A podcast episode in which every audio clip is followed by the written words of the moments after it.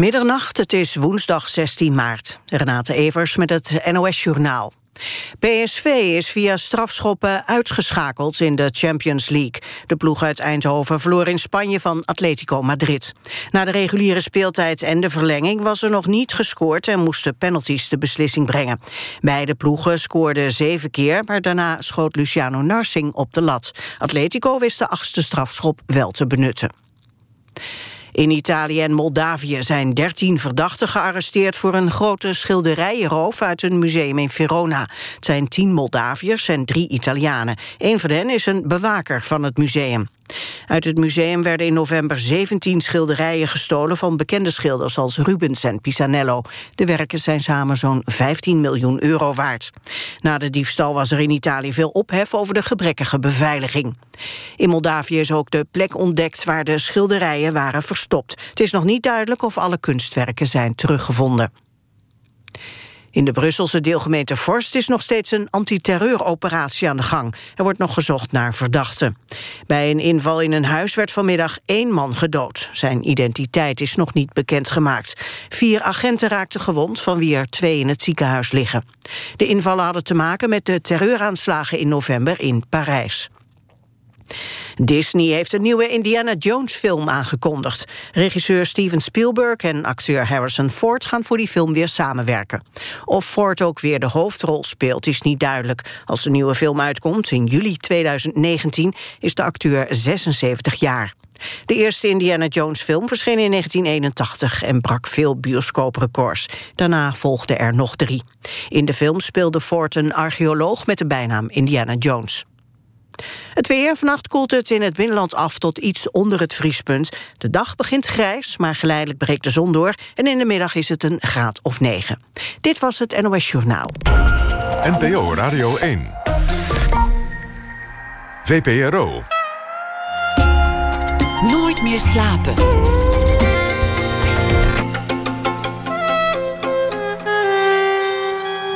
Met Pieter van der Wielen. Goedenacht en welkom bij Nooit meer slapen. Elke keer dat iemand Yesterday zingt, een eurotje op je rekening. Over de rechten van de Beatles gaat het na ene. Ze veranderen van eigenaar voor een gigantisch bedrag. Suzanne Alt komt op bezoek, saxofoniste. Zij maakte een nieuw album met onder meer oude bandleden van funklegende James Brown. We beginnen met Ed Wubbe, sinds jaar en dag choreograaf en artistiek leider van het Scapino Ballet. Rollercoaster heet een voorstelling. In razend tempo meerdere stukken van meerdere choreografen. Sferen, stijlen wisselen elkaar af. En ook stemmingen. En dat allemaal als een achtbaan waarin de toeschouwer zich bevindt. Ze gaan ermee op reis. Binnenkort, dit jaar, bestaat Scapino 70 jaar. Ed Wubbe geeft al uh, een flinke tijd leiding aan het gezelschap. Hij werd geboren in Amstelveen in 1957. En hij woont in Rotterdam. Welkom, Ed Wubbe. Dankjewel. Hoe is dat eigenlijk in jouw leven terechtgekomen? Wat was de eerste keer dat jij dans zag of je bewust ervan was dat dat een beroep kon zijn?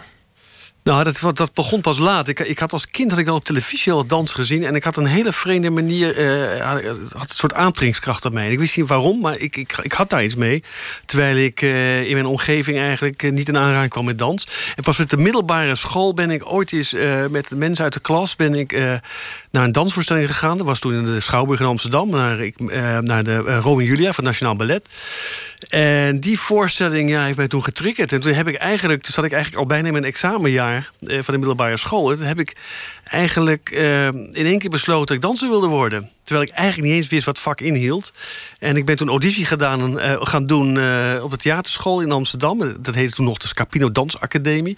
En daar werd ik tot mijn eigen verbazing aangenomen. Ik kon eigenlijk nog helemaal niks, maar ze hadden behoefte aan jongens. Dus ik had een grote kans daardoor.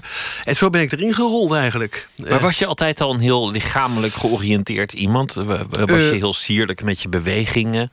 Nou, dat niet echt, maar ik deed wel aan sport. Ik, ik, ik, ik, ik, heb, ik heb judo vroeger toen klein was. Ik heb tafeltennis gedaan. En ik heb uh, naar de hand gevolleybald. En, en mijn, ik, ik, kom uit een gezin met vier jongens. Hadden, ik, ik, heb nog drie broers. Die voetbalden allemaal. Ik heb nooit de voetbal gezeten. Ik was dan toch net iets anders, denk ik.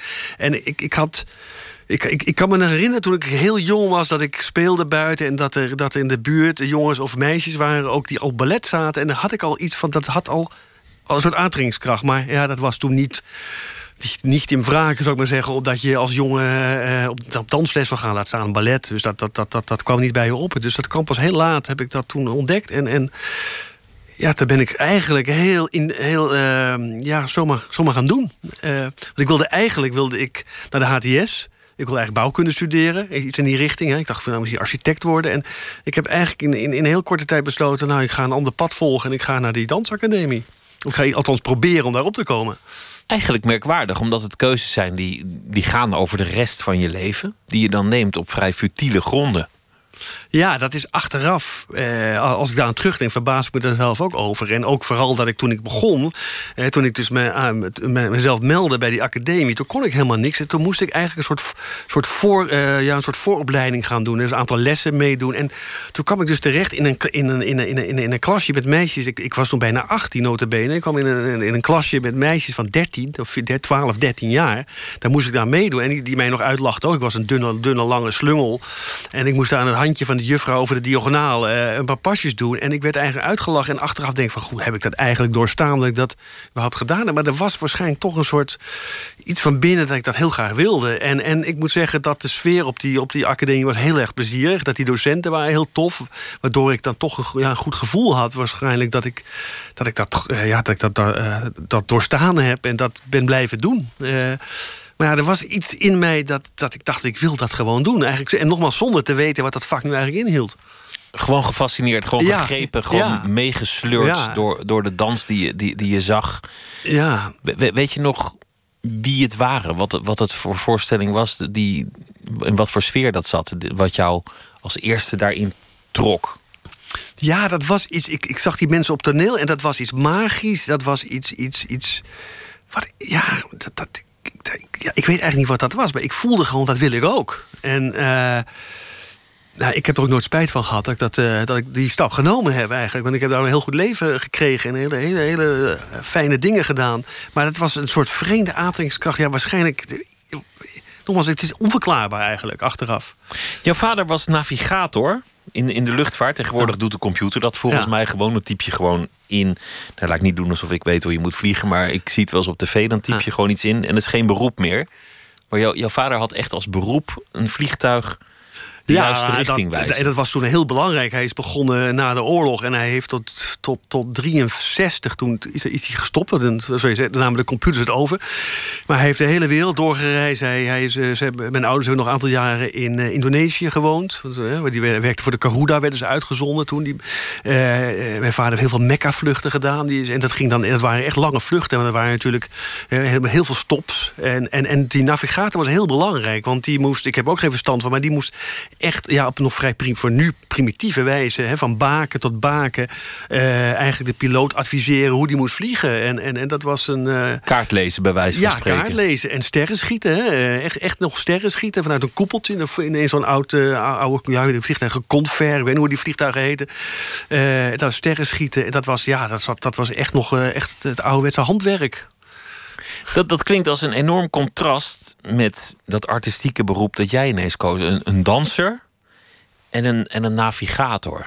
Was het ook niet de sfeer thuis? Dat, dat iemand nee, danser zou worden? Nee, absoluut niet. Ik kom, ik, ik, kom niet uit een artistiek milieu. Ik kom wel uit een milieu. Mijn, mijn, mijn vader vooral, die was heel erg open in die zin dat hij dat hij zei van ja, je moet vooral doen wat je leuk vindt. En, en hè, waar je, je, moet, je moet zoeken waar je, waar je goed in bent. Uh, maar het was, het was in het begin, toen ik aankondigde dat ik, dat ik naar de, dat de dansacademie ging, uh, ja, was er wel even schrik. Want ja, dat was natuurlijk heel ongewoon. En, en niet alleen in mijn familie, maar ook in de hele buurt en in de hele kennissenkring en op, mijn middelbare school. Dat... Maar schrik of de goede beroepskeuze was, of ook schrik of, of het iets mankeerde? Ja, dat, men vond, nou, dat was gewoon, het, was, het was gewoon een, een, een, zeg maar, een afwijkend beroep om te kiezen. En, en, en omdat men ook in, ook in de in de nabijheid ook geen mensen kende die dat zo'n beroep uitoefenen. En men dacht natuurlijk toch in de tijd, hè, we spreken natuurlijk over een tijdje terug, dat is toch, ja, dans is toch voor meisjes, dat is ballet, dat is niet voor, voor, voor jongens. En, en, uh, dus daar, daar had, maar ik moet wel zeggen, dat was in het begin wat schrik. En, en, en ja, mensen keken er vreemd tegenaan. Maar eh, dat was ook eigenlijk vrij snel over. En zeker op het moment dat ik wat later, hè, na de academie, ook uh, zeker als, toen ik ging choreograferen en daar en daar wat succes in kreeg, uh, vond men het ook wel heel erg leuk eigenlijk en, en, en, en, en bijzonder. En dan was die schrik ook alweer over. En, uh, Altijd maar die vaders. Laten we het ook eens hebben over de moeders. Wat, was je moeder voor vrouw? Ze leeft niet meer. Nee, mijn moeder is overleden eh, toen ze 69 was. In 2001 is ze overleden.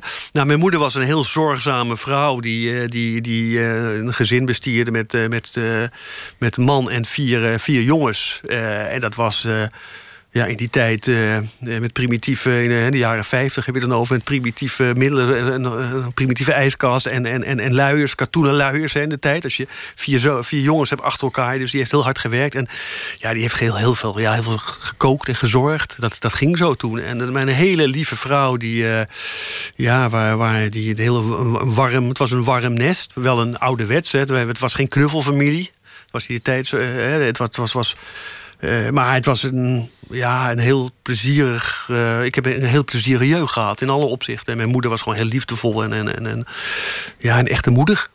En je ouders raakten die elkaar vaak aan? Want, want je noemt het geen, geen knuffelfamilie. Wat ik, wat ik grappig vind, is dat het ook een soort choreografie is. Dan heb je het al meteen over hoe het zich lichamelijk uit. Ja, ik heb het er wel eens over met mensen... ook met, met, met, mijn huidige vrouw heb ik er wel over dat, dat in die tijd... ik kan me ook helemaal niet herinneren dat ik als kind echt heel veel geknuffeld werd. Terwijl ik uit een heel liefdevolle familie... maar dat, dat, dat was in die tijd was dat eigenlijk niet zo. Dat, wat het lichamelijke, dat... dat dat was, ja, ik, ik zei ook nog u tegen mijn vader. En niet omdat wij nou zo'n hele strenge vader hadden... maar dat was in die tijd, uh, ja, ik zei u tegen mijn vader en ook tegen mijn moeder. En dat was een andere tijd, denk ik. Een andere, ja, mensen gingen, en dat, ik, ik, ik heb dat ook niet echt gemist, denk ik. Maar als ik nu terugkijk, denk ik van ja, dat is tegenwoordig. Als je ziet hoe ouders met kinderen omgaan, hoe ik zelf omga met, hè, dat is dat toch wel heel erg anders. Je hebt thuis een stoel die van je ouders is geweest. En, en daar zei je misschien voor de grap bij... dit is de stoel waar mijn ouders het voor het eerst in hebben gedaan. Ja, dat is heel grappig. Dat is een oude rookstoel, hè, had je vroeger. Een, heel, hele mooie stoel. Dat, die werd waarschijnlijk zeer... Het was geen, geen dure stoel, maar wel eigenlijk een heel mooi ontwerp. Uh, uit de jaren twintig. En uh, er zitten alleen nieuwe kussens in. Verder is hij helemaal, helemaal uh, intact. en daar hebben mijn... Dat is het verhaal dat mijn ouders die elkaar ontmoeten... die hebben daar toen mijn vader... die kwam dus thuis bij mijn moeder voor de eerste keer... En, die waren zeker een avondje alleen of, of min of meer alleen. En die hebben daar uh, ja, voor het eerst een beetje uh, gezoend waarschijnlijk. Of onschuldig of gevreden in die stoel. Dat is een beetje het verhaal. En uh, daarom heb, vind ik ook fijn die stoel te hebben. Dat is gewoon, ja... Zonder die stoel was je er niet. precies. Dat, daar is het toch wel een beetje begonnen, ja. maar dan kom je... Want jij bent van 57. Je was al wat oud. Dus dan, dan is het jaren 70. Ja. Dan kom je als danser ineens in een, in een heel andere omgeving. Van, van, van dat nou ja, huis waarin weinig werd geknuffeld en waarin alles concreet was en, en het woord u nog binnen de ja. gezinssituatie werd gebezigd, ineens in de creatieve kring in de jaren zeventig. Dat, dat moet een contrastje zijn. Geweest. Ja, dat was, dat was, eh, dat was uh, behoorlijk contrast. Want ik kwam met die theaterschool, dat was op de Keizersgracht. Uh, en uh, ik kwam daar binnen en, en daar bleek dus dat, dat was de jaren zeventig als vrij vrij, dat, dat, je dus één kleedkamer had voor de jongens en de meisjes. En dat was, dat was natuurlijk ongewoons. Dat, je, dat iedereen die kwam daar binnen voor de eerste keer... en iedereen stond daar in zijn, in zijn, in zich om te kleden.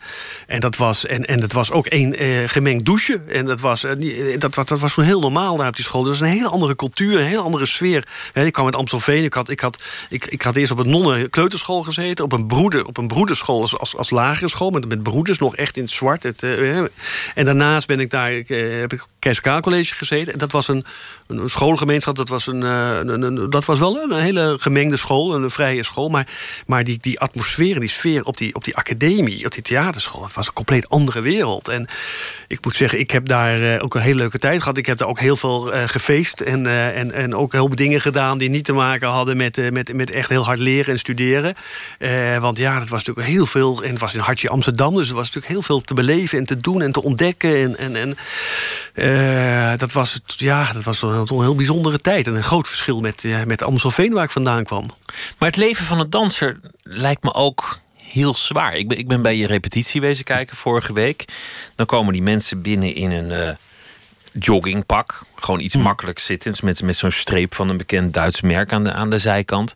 Die zitten een beetje. Dan zeg jij, oké, zullen we beginnen? Gaat de muziek aan. En die mensen die nemen alle elegantie aan. Alsof, het, alsof ze in een gala-jurk zouden staan. Mhm. Alleen maar met dat lichaam. En dan doe je zo'n choreografie. Twee keer, drie keer, misschien wel zes keer op een dag. Loodzwaar voor dat lijf. Moet ontzettend hard werken zijn. Ja. Hoe heb je dat zelf ervaren toen jij ook nog wat te laat daar binnenkwam. Je was een jongen. Ja, ik was wel. Ik, ik, ik, ik, had, ik, ik, ik, ik, was goed geoutilleerd, eh, fysiek. In die zin dat ik sport had gedaan. Ik was natuurlijk jong. Hè. Een, jong lijf kan heel veel hebben. Dat, dat, nu ik ouder word, realiseer ik me dat. Het zijn natuurlijk veel jonge mensen. Maar ik, ik, ik herinner me wel, ik was 18 toen ik echt begon. En dan wat er dan is, hè, als je klassiek ballet gaat, want dat is eigenlijk wat ik toen studeerde. Hè, dat is ook de achtergrond van de, van, van de dans die nu bij Scapino werken. Klassiek ballet is eigenlijk je lichaam ombouwen. Hè. Dus uitdraaien, Je moet je lichaam vormen. En als je 18 bent, dan is je lichaam eigenlijk al volgroeid, min of meer. En dan is het heel moeilijk om je lichaam nog andere dingen aan te leren. En ook qua lenig. Ik was niet zo lenig van nature. En dan is het heel hard werken. En daar moet je ook met, met, met dans eigenlijk wat vroeger beginnen. Want dan kan je je lijf nog, nog hè, uh, vormen. Letterlijk, hè, met, door te trainen. Dus ik, ik, ik, ik had een, zeg maar, in die zin een moeilijk lijf.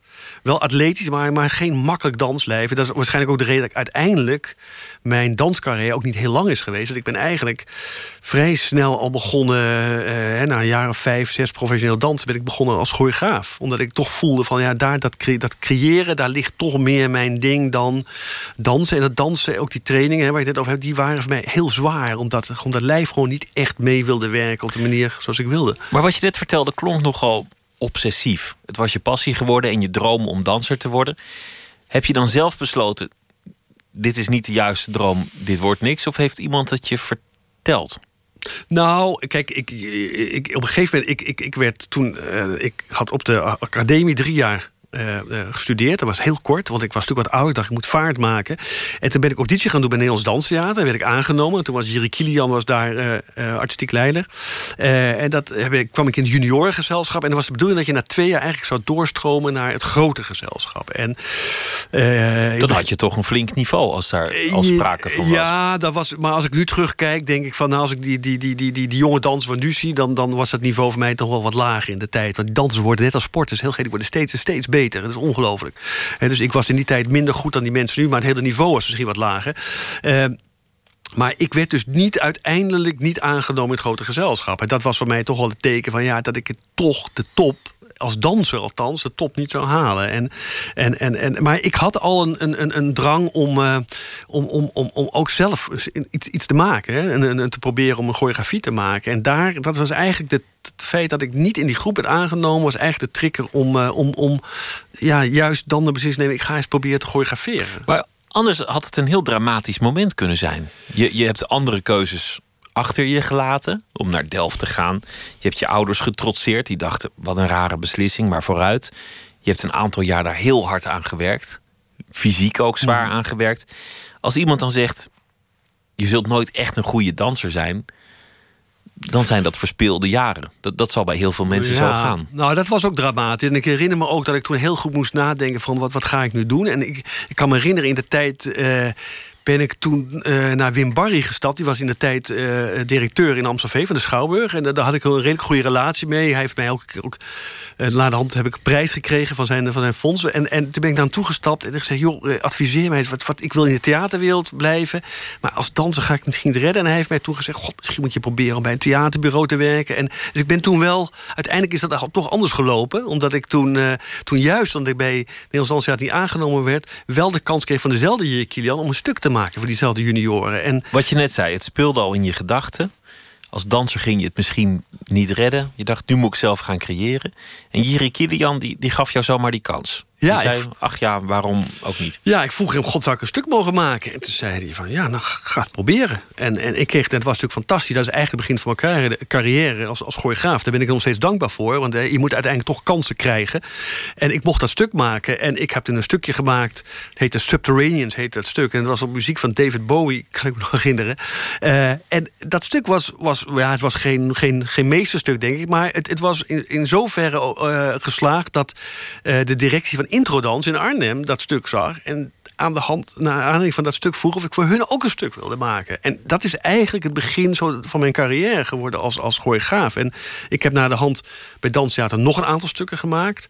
En ja, en zo is, die, zo is dat gaan lopen. Dus dat is... is dat ongebruikelijk? Want vaak zijn het dansers die na een vrij lange carrière langzaam aan toegroeien naar een positie als choreograaf. Of is dit een route die wel vaker wordt bewandeld? Ja, dat wordt wel vaker bewandeld. Dat is, dat, dat, dat, dat is bij iedereen anders. Je hebt sommige mensen die...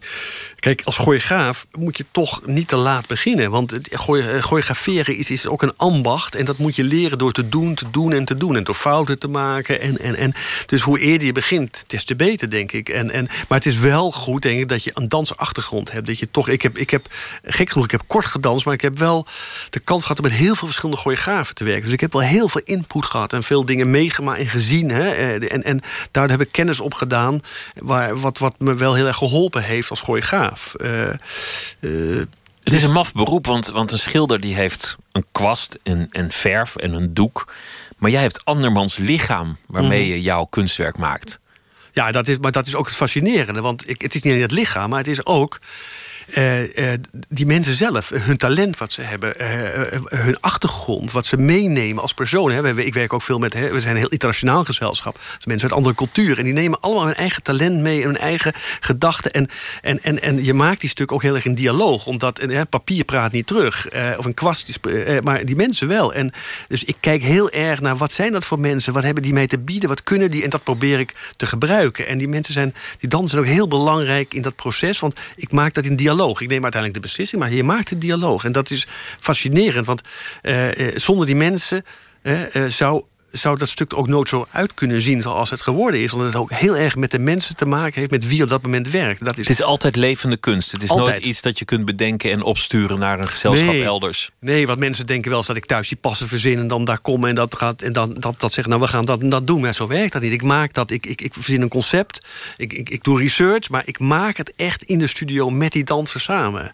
En dan komt het misschien, ik heb soms wel eens een idee en dat pakt het, als je aan het werk gaat, heel anders uit. Omdat gewoon het, het, het moment en die mensen gewoon dingen aan, aan, aanreiken... waardoor het anders wordt, maar vaak daardoor ook veel, veel interessanter en beter. Dat je dus ook mee, ja, dat je met die flow mee moet gaan en, en, en met het, ook het moment pakken.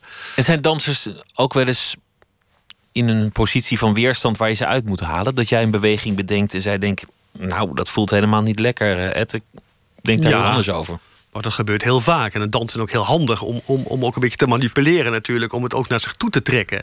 He, uh, bewegingen die zin als het, dat ze ook een beetje hun eigen dingen... waar ze zelf goed in zijn, graag willen, willen uitdragen en tonen. En, uh, maar dat vind ik ook leuk om te gebruiken. En, en, en ik vind het ook leuk om met, om met dansers te werken... die verschillende dingen kunnen. Dat die dansers niet allemaal hetzelfde kunnen. Maar dat mensen een andere achtergrond hebben. Klassieke achtergrond of een, of een moderne achtergrond. Of zelfs een danser. We hebben ook dansen, een danser uh, met, een, met een achtergrond als, als, als, als als urban dance, als street dance. En dat is een hele andere techniek. En, maar het is wel leuk om al die verschillende dingen te gebruiken. En, en, en, en, en dat, dat ja, gebruik van te maken. En, en daar laat ik me door inspireren. Een van jouw handelsmerken, zegt iedereen, is de brede... Uh, talen van dans die je incorporeert, wat je net zegt. Urban dans, maar ook heel klassiek met, uh, met uh, spitsen en, en, en, mhm. pirouetten... tot, tot dansen uit andere culturen. En de, de invloeden die jij tot je neemt waar je dan je, je choreografie op baseert, je voorstellingen. Van, van Rameau, 18e mhm. eeuwse componist, tot aan het uh, Parijs rond 1900. Uh, eh, het uh, Café Chat Noir mm. bijvoorbeeld. Of Nico. Nico van uh, The Velvet Underground mhm. en Andy Warhol. Daar heb je in 1997 een choreografie op gebaseerd, mhm. haar leven. Waarom fascineerde zij jou zo? Ja, omdat dat die, die tijd waarin zij leefde hè, en waarin zij uh, zich manifesteerde met de Velvet Underground, met Andy Warhol, die hele, dat is een hele belangrijke tijd geweest. Hè. Dat was na de Tweede Wereldoorlog, in de jaren 50 was allemaal nog heel erg braaf. In de jaren 60 explodeerde uh, ja, de, de beeldende kunst, maar de muziek. En vooral in New York gebeurde dat. Andy Warhol was eigenlijk een soort, een soort uh, ja, het centrum waar vanuit dat gebeurde. En, en ik vond die vrouw heel erg intrigerend vanuit de achtergrond, de Duitse achtergrond. Er zat een dramatisch leven. Uh, en dan met, met de contact met Lou Reed en John Cale en die Velvet Underground. Waar, al die componenten boeiden me enorm. En ik vond haar muziek interessant. Ik vond het gewoon een prachtige stem. Het was geen perfecte stem, maar het was wel een heel interessante stem. Een interessante vrouw. Die tijd was interessant.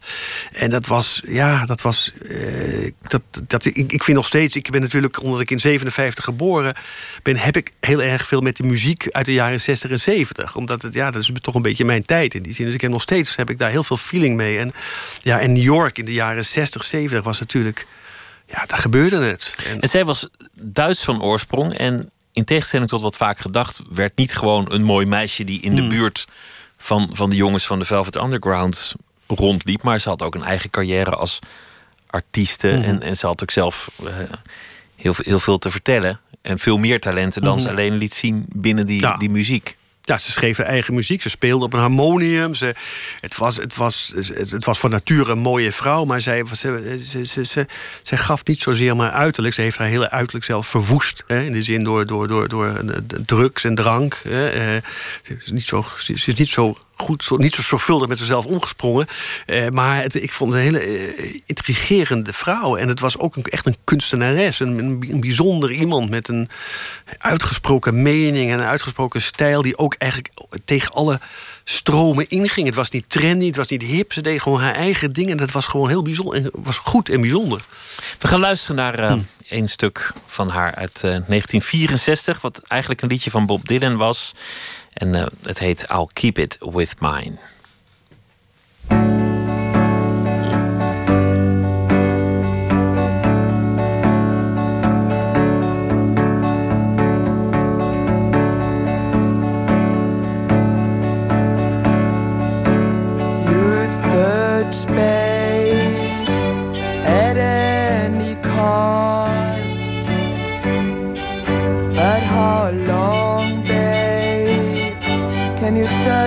What's not lost?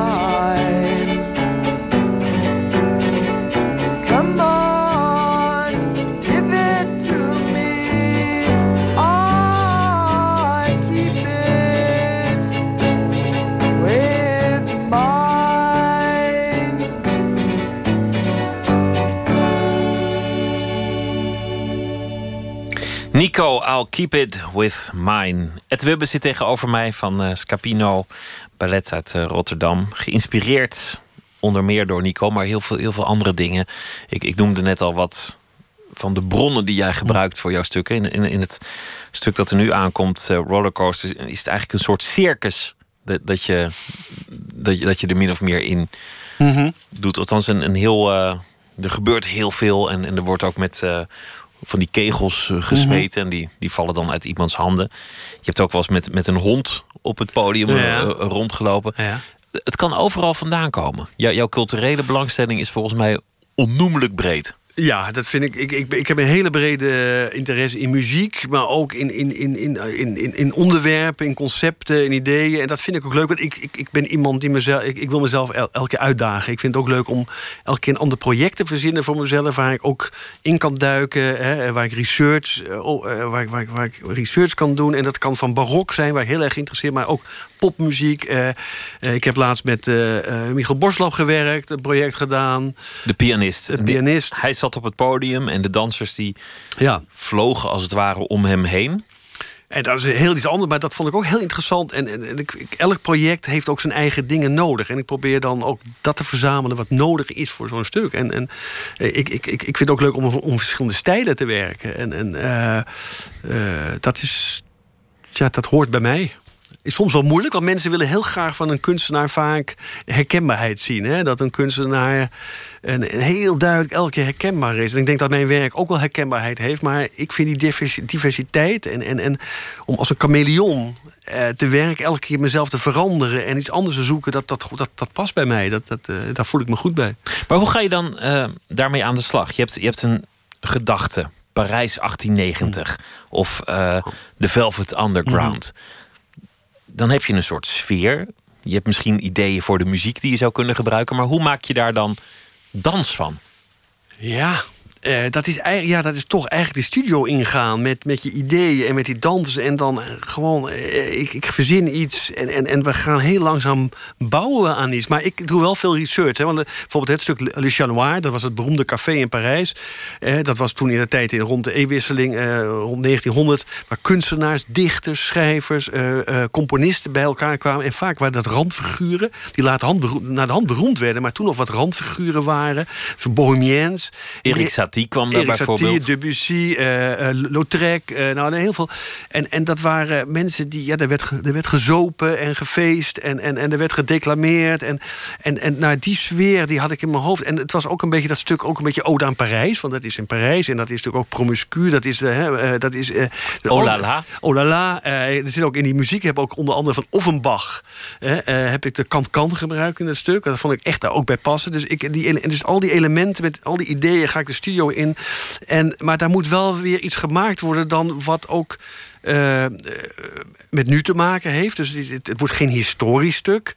Hè. En ik hou er ook van dat er als in zo'n stuk wat, wat ook een, een, zwarte, een zwarte kant aan zit, een donkere kant aan zit. Hè. En het aardige is, als je 1900 kijkt in Parijs met Le Chat Noir, er werd feest gevierd, de kan kan. Maar het was wel vlak voor de, tweede, voor de Eerste Wereldoorlog die er aankwam. Dus ik, ik heb ik probeer in dat stuk die, die, dat gevoel van die opkomst van, van die oorlog die eraan zit te komen, zit wel ook in dat stuk besloten. Door, hè. Die dames hebben die kan-kan-laarzen aan. En daar, daar stampen ze eigenlijk mee als militairen ook. Er zit ook een soort dreiging in dat stuk. En dat vind ik mooi dat er altijd, een, ook, altijd toch een gevaarlijk randje in zo'n stuk. Of een donkere kant in zit. En, hè, zo een, een, een, een, een, een ballet of een, een choreografie moet ook uit contrasten bestaan. Het moet altijd toch iets spannends hebben. Of een spannend element hebben. En, en nou, daar, daar zoek ik dus naar met de dansers. En dat, en dat kan op allerlei manieren gebeuren.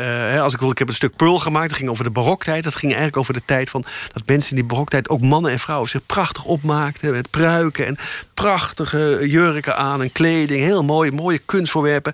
Maar onder die kleding uh, stonken ze en hadden ze uh, sferen. En, en, en, en, en, en dat, dus dat, en, de SIF was doodsoorzaak nummer één. Precies. En, maar die, die, die, twee, die, die twee contrasten, die, die kanten, zijn, vind ik spannend om, om daar dan iets mee te doen. En, en zo probeer ik per project daarin te verdiepen en, en, en daar uh, met de dans aan te werken en dan met, en met vormgevers. Maar je gaat je ook echt verdiepen aanvankelijk. Je, je zit dan echt met, met een boek of een biografie. Ja, ik vind het heel leuk om, uh, als, als dat zich daarvoor leent, om, om echt research te doen, daarover te lezen, om, uh, om dingen op te zoeken. En tegenwoordig bij internet is het natuurlijk fantastisch. Hè? Je kan natuurlijk surfen, je kan alles. Je hebt je bibliotheek eigenlijk voor je neus in je, in je, laptop zitten. Dus dan, dan, dan, dan. En ik praat met mensen en dat vind ik heel erg, dat vind ik leuk om, om te doen. En, en met al die.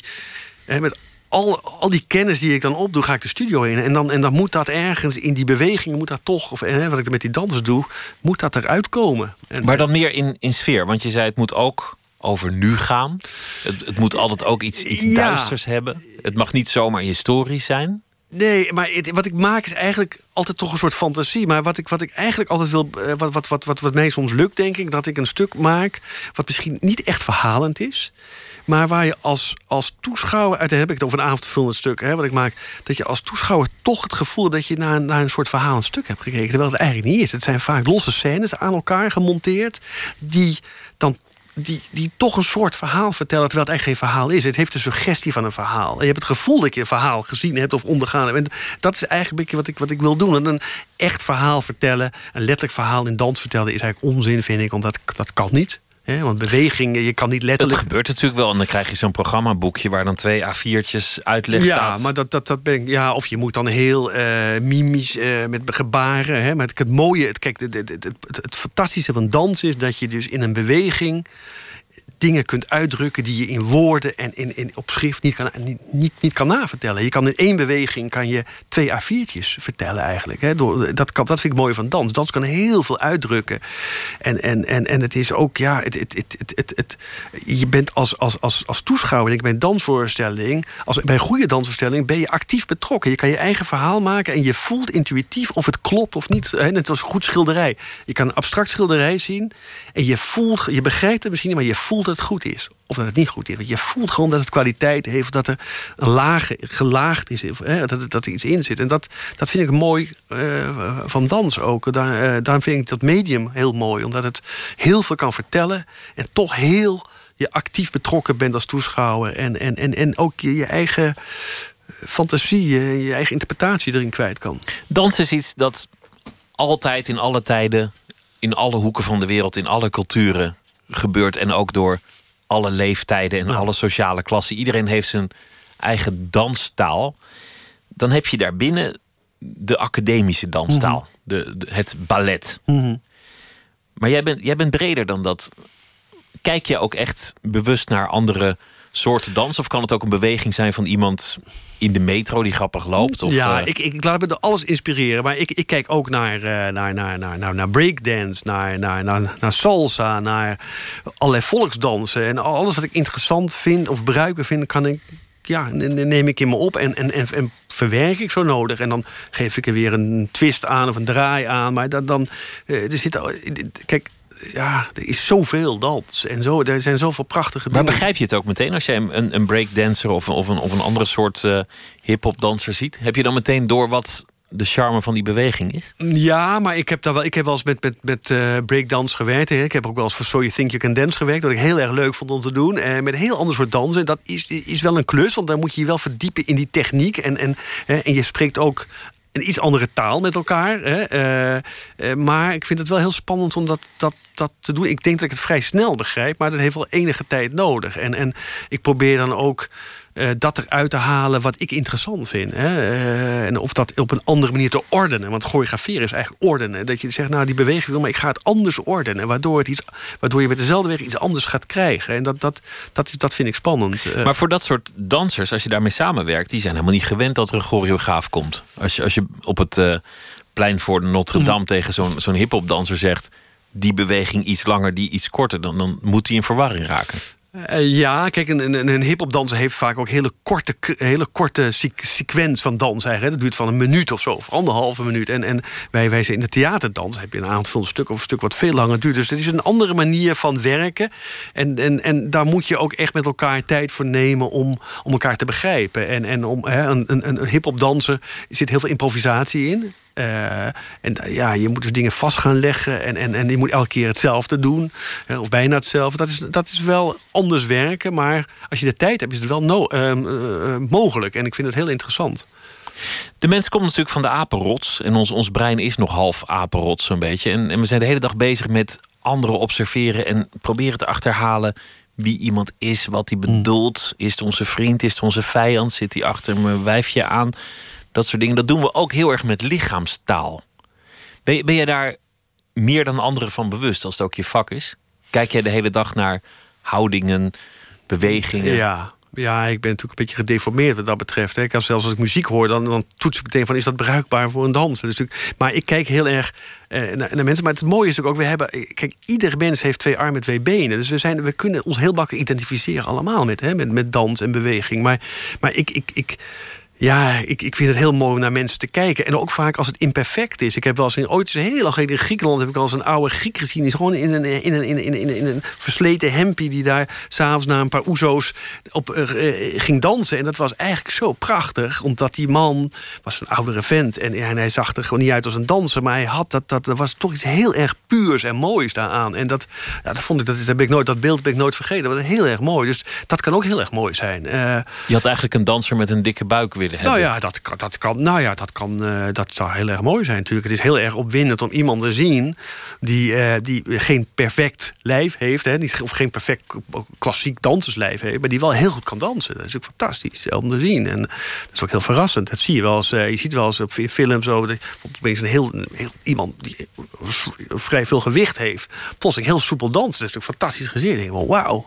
Dat is, uh, dus dat, is, dat, dat afwijkende vind ik wel heel mooi. Dat is ook een andere esthetiek. En uh, uh, we denken allemaal, dat is, daarom kies ik ook bij Scapino niet voor dansers die allemaal hetzelfde uitzien. Ik heb, we hebben dansers die toch heel erg individueel zijn, die andere technieken beheersen, maar ook de fysiek anders uitzien. Dat vind ik wel leuk. Uh, dat, dat, die, dat het niet allemaal dezelfde poppetjes zijn met dezelfde haar en dezelfde lijf. Dat het... Je streeft niet naar een soort perfectie of een soort standaard? Of, of nou, een soort wel norm. naar in zo'n perfectie mensen moeten wel goed zijn, maar die perfectie zit hem niet in de gelijkvormigheid of eenvormigheid, maar die zit hem vaak in het individuele en, en, en, en in het, in het afwijkende. En dat, dat maakt het spannend, vind ik. Dat, dat, dat, dat je ook als publiek naar mensen kijkt die verschillend zijn. En die, waar, daar valt er ook ja, qua, te, identificeren met bepaalde dansers. En uh, dat, ja, dat vind ik heel erg spannend.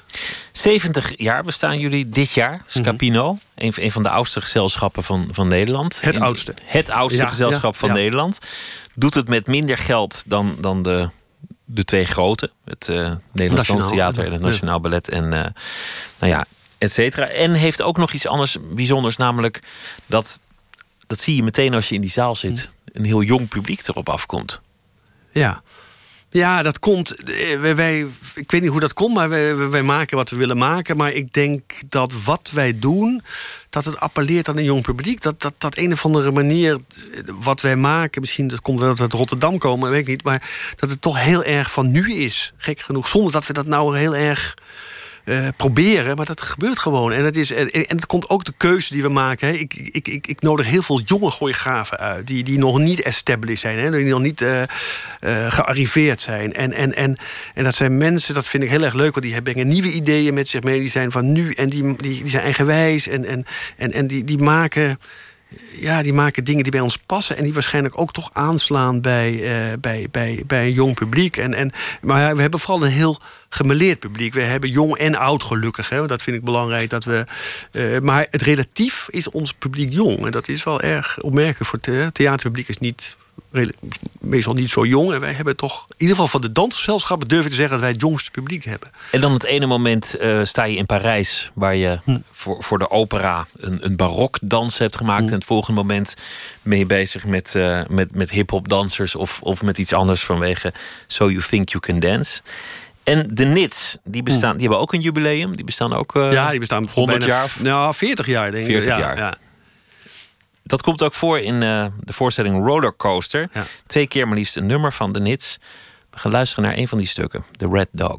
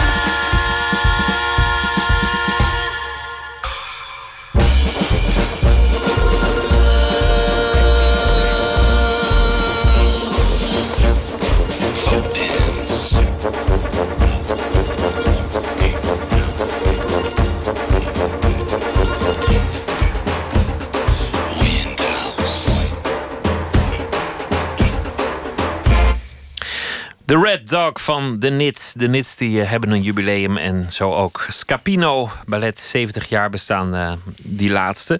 En er komt een jubileumvoorstelling. De Nits die gaan spelen met mm -hmm. de dans van het Wubbe. De repetitie die ik zag was daar al een soort voorschot op. Ja. Jullie zijn daar al mee ja. uh, bezig. Ja. Daar werd dan heel, een heel chaotisch stuk hiervan gemaakt. Een heel cacofonisch stuk. Er gebeurt van alles. In elke hoek is iemand met iets anders bezig. Een soort circusnummer mm. dat niet altijd even goed ja. lukt. Waar, waar dan de humor weer in zit. Ja. Maar als toeschouwer denk je... waar moet ik kijken? Want in mm. elke hoek van het ja. podium is iets gaande. Ja, dan heeft die muziek ook nodig. Het is eigenlijk een voorstudie hè, wat ik aan het maken ben voor onze jubileumvoorstelling met, met de NITS.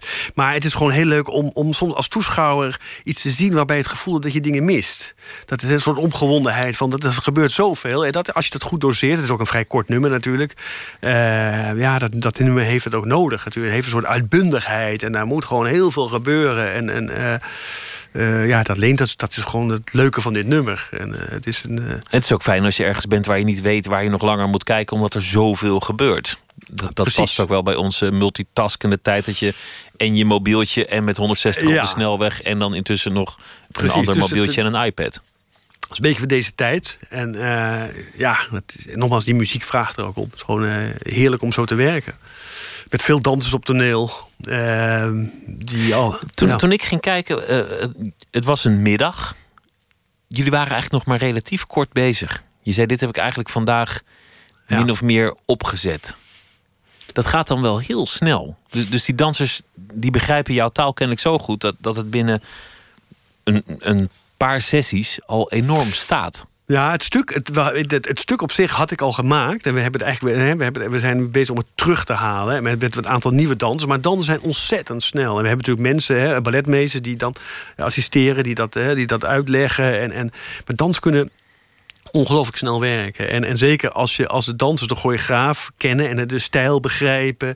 Hè, uh, en en dan, dan kan dat heel snel gaan. En het is ongelooflijk, want die dansen, dit programma wat wij doen, hè, de rollercoaster, zijn acht verschillende choreografieën. Van zeven verschillende choreografen. En die zijn allemaal ander concept, een andere stijl, een ander idee. En, en die dansers die, die, die, die, die, die die, kunnen, die schakelen dus van het ene stuk het andere stuk. Uh, dat is ongelooflijk knap. En, en, en, en wat ze dan, hoe ze dat allemaal onthouden. Uh, uh, ja, ik weet dan hoe het werkt, maar dat is toch on ongelooflijk hoe goed ze daarin zijn. Om een soort fysiek geheugen te hebben ja, voor waar welke ja, beweging ja. en, en Ja, maar ook een andere zit. interpretatie en, en, ook een andere stijl. Hè. dat is, uh, want elke choreograaf vraagt iets anders van die dansers. En, en, en dat moeten ze dan toch kunnen produceren. produceren. Dat is, is ongelooflijk. We hadden het net over hoe je de dans in bent gerold. Eigenlijk wilde je misschien wel architect worden of, of, of heel iets anders. Maar ja, ineens had je die voorstelling gezien en het werd bijna een, een obsessie of, of een droom of een, of een levensmissie. Eerst danser wilde je worden. Misschien lukte dat wel niet, dus je werd choreograaf. Dat was dan je bestaan. Je kwam uit een heel ander circuit. Waar, waar je ouders gewoon thuis u zeiden. En waar hmm. mensen elkaar niet te veel aanraakten. Een heel fijn gezin, zei je. Maar dingen waren er wat concreter. Het was er niet heel, ja. heel artistiek zozeer. Is er daarna nog een moment geweest dat je, dat je dacht, na zoveel jaar, misschien moet ik toch een ander vak kiezen? Nee, ik voel, toen, ik, toen ik eenmaal begon te choreograferen... toen voelde ik dat ik mijn... eh, ja, dat ik het gevonden had eigenlijk. Want ik merk dat ik het gewoon... Het, het, het creëren, het, het, het verwezenlijken van ideeën... Het, het met mensen in die studio werken... gewoon het creatieve... eh, dat vond ik eigenlijk ja, fantastisch. En dat is eigenlijk ben ik ook een geluksvogel, denk ik... dat ik ook dat ontdekt heb. En dat ik... eh, Maar jouw leven heeft helemaal in het teken gestaan van, van dans en werk en voorstellingen. Ja, en dat is af en toe... Ik moet zeggen, kijk, zeker op het moment dat ik artistiek eh, leider werd... dan, hè, dan kreeg ik, heb je een dubbelfunctie. Dan ben je echt eh, ben je leider van een gezelschap en je choreografeert. En dat moet ik zeggen, dat is ook best wel heel zwaar. Dan moet je Eh, ook zorgen voor, voor geld, logistiek, voor personele kwesties. Ja, voor, en vergaderen en, en eh, noem maar op. En, een hele, hele, hele, hele, hele romslomp. En dat is, die combinatie is wel heel goed soms. Want daardoor kan je ook je visie die je hebt over een gezelschap... kan je uitdragen en verwezenlijken. Dat is heel belangrijk, hè, dat je een, een ergens heen kan gaan met een gezelschap. Maar dat kost wel heel veel kracht en tijd. Het is gewoon heel veel tijd. En, en eh, dan, is het wel, dus dan is het wel zoeken naar de balans tussen, tussen je privé gewoon hè, en, en, en het werk. Dat is dan, dan eh, dat is soms wel, dat is wel een, dat is wel een, een soort, soort, soort moeilijk, moeilijkheid soms. Maar Heb je altijd een privéleven gehad? Laat ik het dan maar zo vragen. eh, nou, ik moet zeggen, er is wel heel veel tijd, eh, heel veel tijd in dat werk gegaan. Maar dat is ook, dat is ook een soort, soort, soort werk. En, en, en, en, en, is, kijk, het is ook heel erg leuk werk, moet ik zeggen. Hè, niet alle momenten. Ik heb ook hele moeilijke periodes gehad als het slecht ging of, of iets lukte niet of, of je had tegenwind. Hè, dat hebben ook gehad. Maar het, het, nog eens het creëren, het maken is natuurlijk fantastisch. Dat je gewoon een idee hebt en, en dat ga je verwezenlijken. En hè, dat is soms heel hard werken, maar het is fantastisch. Maar ja, de balans vinden en, en, en, en, en dat privé, om daar goed mee om te gaan, dat, dat, is, dat is nog steeds moeilijk, moet ik zeggen. Je werd onderweg verliefd op een danser. Ik weet niet of dat een, of dat een Ja. cliché is in, in de danswereld. De, de, de choreograaf en, en, en de danser. Maar je hebt er ook tegen gevochten. Je, je dacht heel lang, Ed, dit, dit, dit moet je niet doen. Dit mag niet. Dit, dit wil ik misschien wel, misschien niet. Nou ja, kijk, het is zo, als je in een gezelschap werkt, dan, eh, kijk, je, je, je, je leven is, is, is, is zo verbonden met de dans. Dat is ook de mensen die je ontmoet en tegenkomt. En, en, en, en ik zie ook om me heen dat alle, iedereen die je kent in dans, die heeft bijna een relatie met iemand uit de dans. Dat is nou eenmaal zo. eh, Lange eh, dagen, intensief ja, samenwerken, en- ergens naartoe werken. Ja, dat is. Dat is maar het is, het, is, het is altijd moeilijk om samen. Hè, dat heb ik ja, met mijn huidige vrouw ook eh, gehad. Dat het moeilijk is om samen in een bedrijf te werken. Eh, dat is gewoon. En dan vraag je, ja, is dat, is dat wel verstandig? En eh, dat is gewoon heel erg moeilijk. Eh, ja. ja, daar moet je dan mee omgaan. Dat is niet makkelijk. En zeker, ook voor mijn vrouw is dat niet makkelijk. Die was danseres. En dan, ja, dan is als je dan met de, met de baas hè, een, een relatie krijgt, dat is gewoon heel erg lastig. Zeker in zo'n in zo'n gezelschap. Maar ja, om, om dan daarmee de relatie te beëindigen of de liefde uit het raam te gooien, lijkt me ook wel zo. Nee, wat. dat is ook niet gebeurd, gelukkig. Eh, maar dat is wel dat is, dat is niet makkelijk geweest. En mijn, mijn, mijn, mijn vrouw heeft ook besloten om, om op een gegeven moment ook toch te stoppen met, eh, met, met als danseres in het gezelschap. En dat was voor haar een moeilijke beslissing, omdat zij natuurlijk van jongs af aan gedanst heeft en dat heel graag wilde. Eh, maar. Ja, dat was toch heel erg moeilijk eh, voor haar. Maar dat, ja, dat, ja, dat, dat is heel moeilijk. Maar zij, zij is gelukkig nog steeds eh, betrokken, ook in- met mijn werk. Want als ik het buitenland instudeer, dan, dan, eh, dan studeert zij dat in. Ze assisteert mij. En dus ik heb daar wel heel veel aan. En we, hebben dus, ja, we zijn nog steeds met de dans bezig. Je bent ook vader geworden. Eh, nog niet eens zo heel lang geleden, zes jaar geleden geloof ik. Of, eh, Eh, nee, vijf jaar geleden. vijf jaar ik, ben geleden. Een, ik ben een late, een dat een hele late, late starter. Maar je klinkt een beetje alsof, je eigenlijk jarenlang ontzettend hard hebt gewerkt aan wat, wat je grote passie is, die dans. Maar, maar dat je geleidelijk aan denkt: oké, andere dingen die, die vind ik misschien toch ook wel belangrijk. Misschien, misschien moet mijn leven niet alleen uit dat bestaan.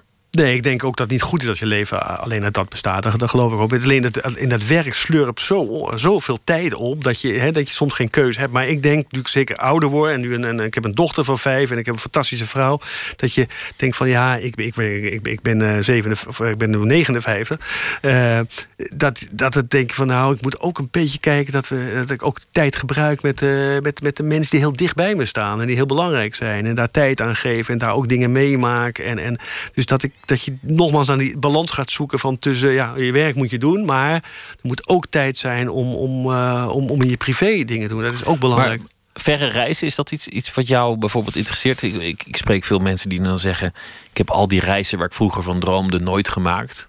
Nou, ik moet zeggen, ik ben niet zo'n. eh, ik, ik, ik reis re- eh, voor mijn werk veel, eh, maar ik ben niet echt een vervent reiziger. Ik, het is niet zo. Ik, ik, ik, ik, ik, hou bijvoorbeeld heel erg van reisverhalen lezen. Ik, ik vind een reisverhaal lezen spannender dan ik hoef het zelf niet eens te doen eigenlijk. Het is ook minder gedoe. ja, ik vind dus ik ben zo'n reizen en hotels. eh, dat is niet echt toch mijn ding, maar het hoort erbij. En materiële dingen?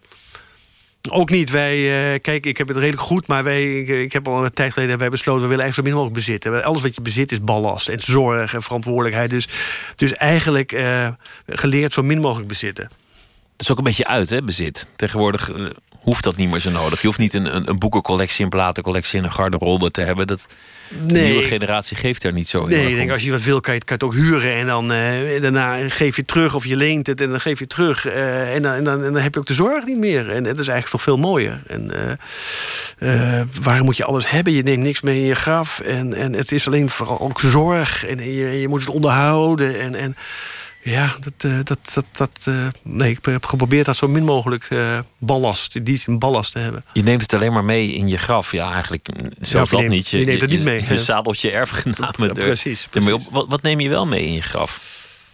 Ja, oeps, goede vraag. Ja, ik heb mijn vader verloren vele jaar. ja, dat, dat, dat, dat, dat, die was 93 ja, wat neem je dan mee? Daar denk je dan over na. Ik, ik, ik, ik hoop dat ik. Uh, dat ik goede, ja, goede ervaringen meeneem. En dat ik mijn graf in ga. En dat ik de mensen die achterblijven, dat, dat ik die goed kan achterlaten. En, en, en dat, ja, dat, je, dat je met alle fouten die je leven maakt, toch hopelijk iets goeds achterlaat. Uh, ja, dat je de goede keuze gemaakt hebt. Dat je geen. Uh, dat er geen puinzooi van heb gemaakt, laat ik zo zeggen, hè, wat je achterlaat ja, ik weet niet, ik, ik, ik ben ook wel ik geloof ook wel, als het, als het afgelopen is, het afgelopen. Het gaf in. Uh, Dan, daar moet je niet al te veel over nadenken verder. Maar omdat je in, in de dansen altijd toewerkt naar een oordeel, applaus. Mensen die naar huis gaan zeggen: was mooi hè? Of vorige keer was het beter. Of, uh, of ja. dat soort dingen. Je hele leven staat eigenlijk in, in het teken van iemands oordeel. Ja, ja, dat is waar. Je wordt elke keer beoordeeld. En, maar dat houdt ook een keer op. Dus ik zal mij ook een tijd komen dat dat gewoon niet meer is. En ik denk, ik probeer wel eens te denken. Hè, wat ik zou, ik zou erg vinden als ik. Eh, dat je, het ergste wat je kan overkomen als kunstenaar. of als, als iemand die dingen creëert. Dat je, dat je als je ouder wordt verbitterd raakt. of gedesillusioneerd. Ik denk, dat zou ik toch niet willen. Ik of opdroogt. Of, of uh... droog. Ik moet zeggen, ik heb een heel gek gevoel. Hoe ouder ik word, ik, ik word nog steeds beter, gelukkig. Hè. Dat is wel uh, naar mijn eigen gevoel. dat is, ik, ik, dus dat vind ik wel heel erg fijn, fijn om, te, om te ervaren. Maar ik, ik wil mezelf wel beschermen om niet verbitterd te raken. Want het gaat een keer, het houdt een keer op, hoe dan ook. En, en daar moet je dan proberen, nu al zeggen, daar moet je ook vrede mee hebben op een gegeven moment. En daar groei je waarschijnlijk ook eh, naartoe. En als mensen, als het dan ophoudt en niemand is meer geïnteresseerd, is het ook goed. Ik bedoel, uh, uh, ik maak geen werk voor de eeuwigheid. Als het over honderd jaar nog mensen nog leuk vinden, vind ik het best. Maar dat hoeft ook weer niet. Dat hoeft ook niet. Daarvoor doe ik het ook niet, eerlijk gezegd. 70 jaar bestaat uh, Scapino dit jaar en uh, er komen meerdere voorstellingen aan. Rollercoaster is de eerste die uh, dit weekend in première zal gaan in Amsterdam in de Schouwburg. Ja. Ik wens je heel veel succes en heel veel plezier natuurlijk ook met alles wat gaat gebeuren. Edwebe, dank je wel. Dankjewel, graag. Leuk, leuk dat je er was.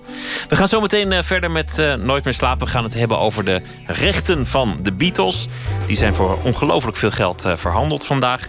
Saxofoniste Al Susanne Alt komt op bezoek. Die heeft een nieuw album Sexify. En ze werkte samen met grote muzikanten uit binnen- en buitenland. En Thomas van Aalten heeft een verhaal geschreven over de voorbije dag. En dat zal hij even na een voordragen. Twitter, het VPRO NMS. U kunt ons liken op Facebook. En u kunt ons ook eh, podcasten via iTunes of via de website van de VPRO, vpro.nl slash nooit meer slapen.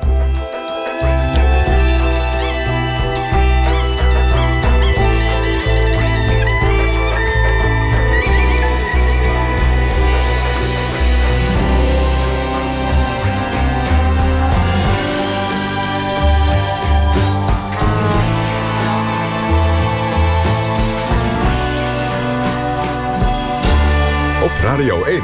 Het nieuws van alle kanten.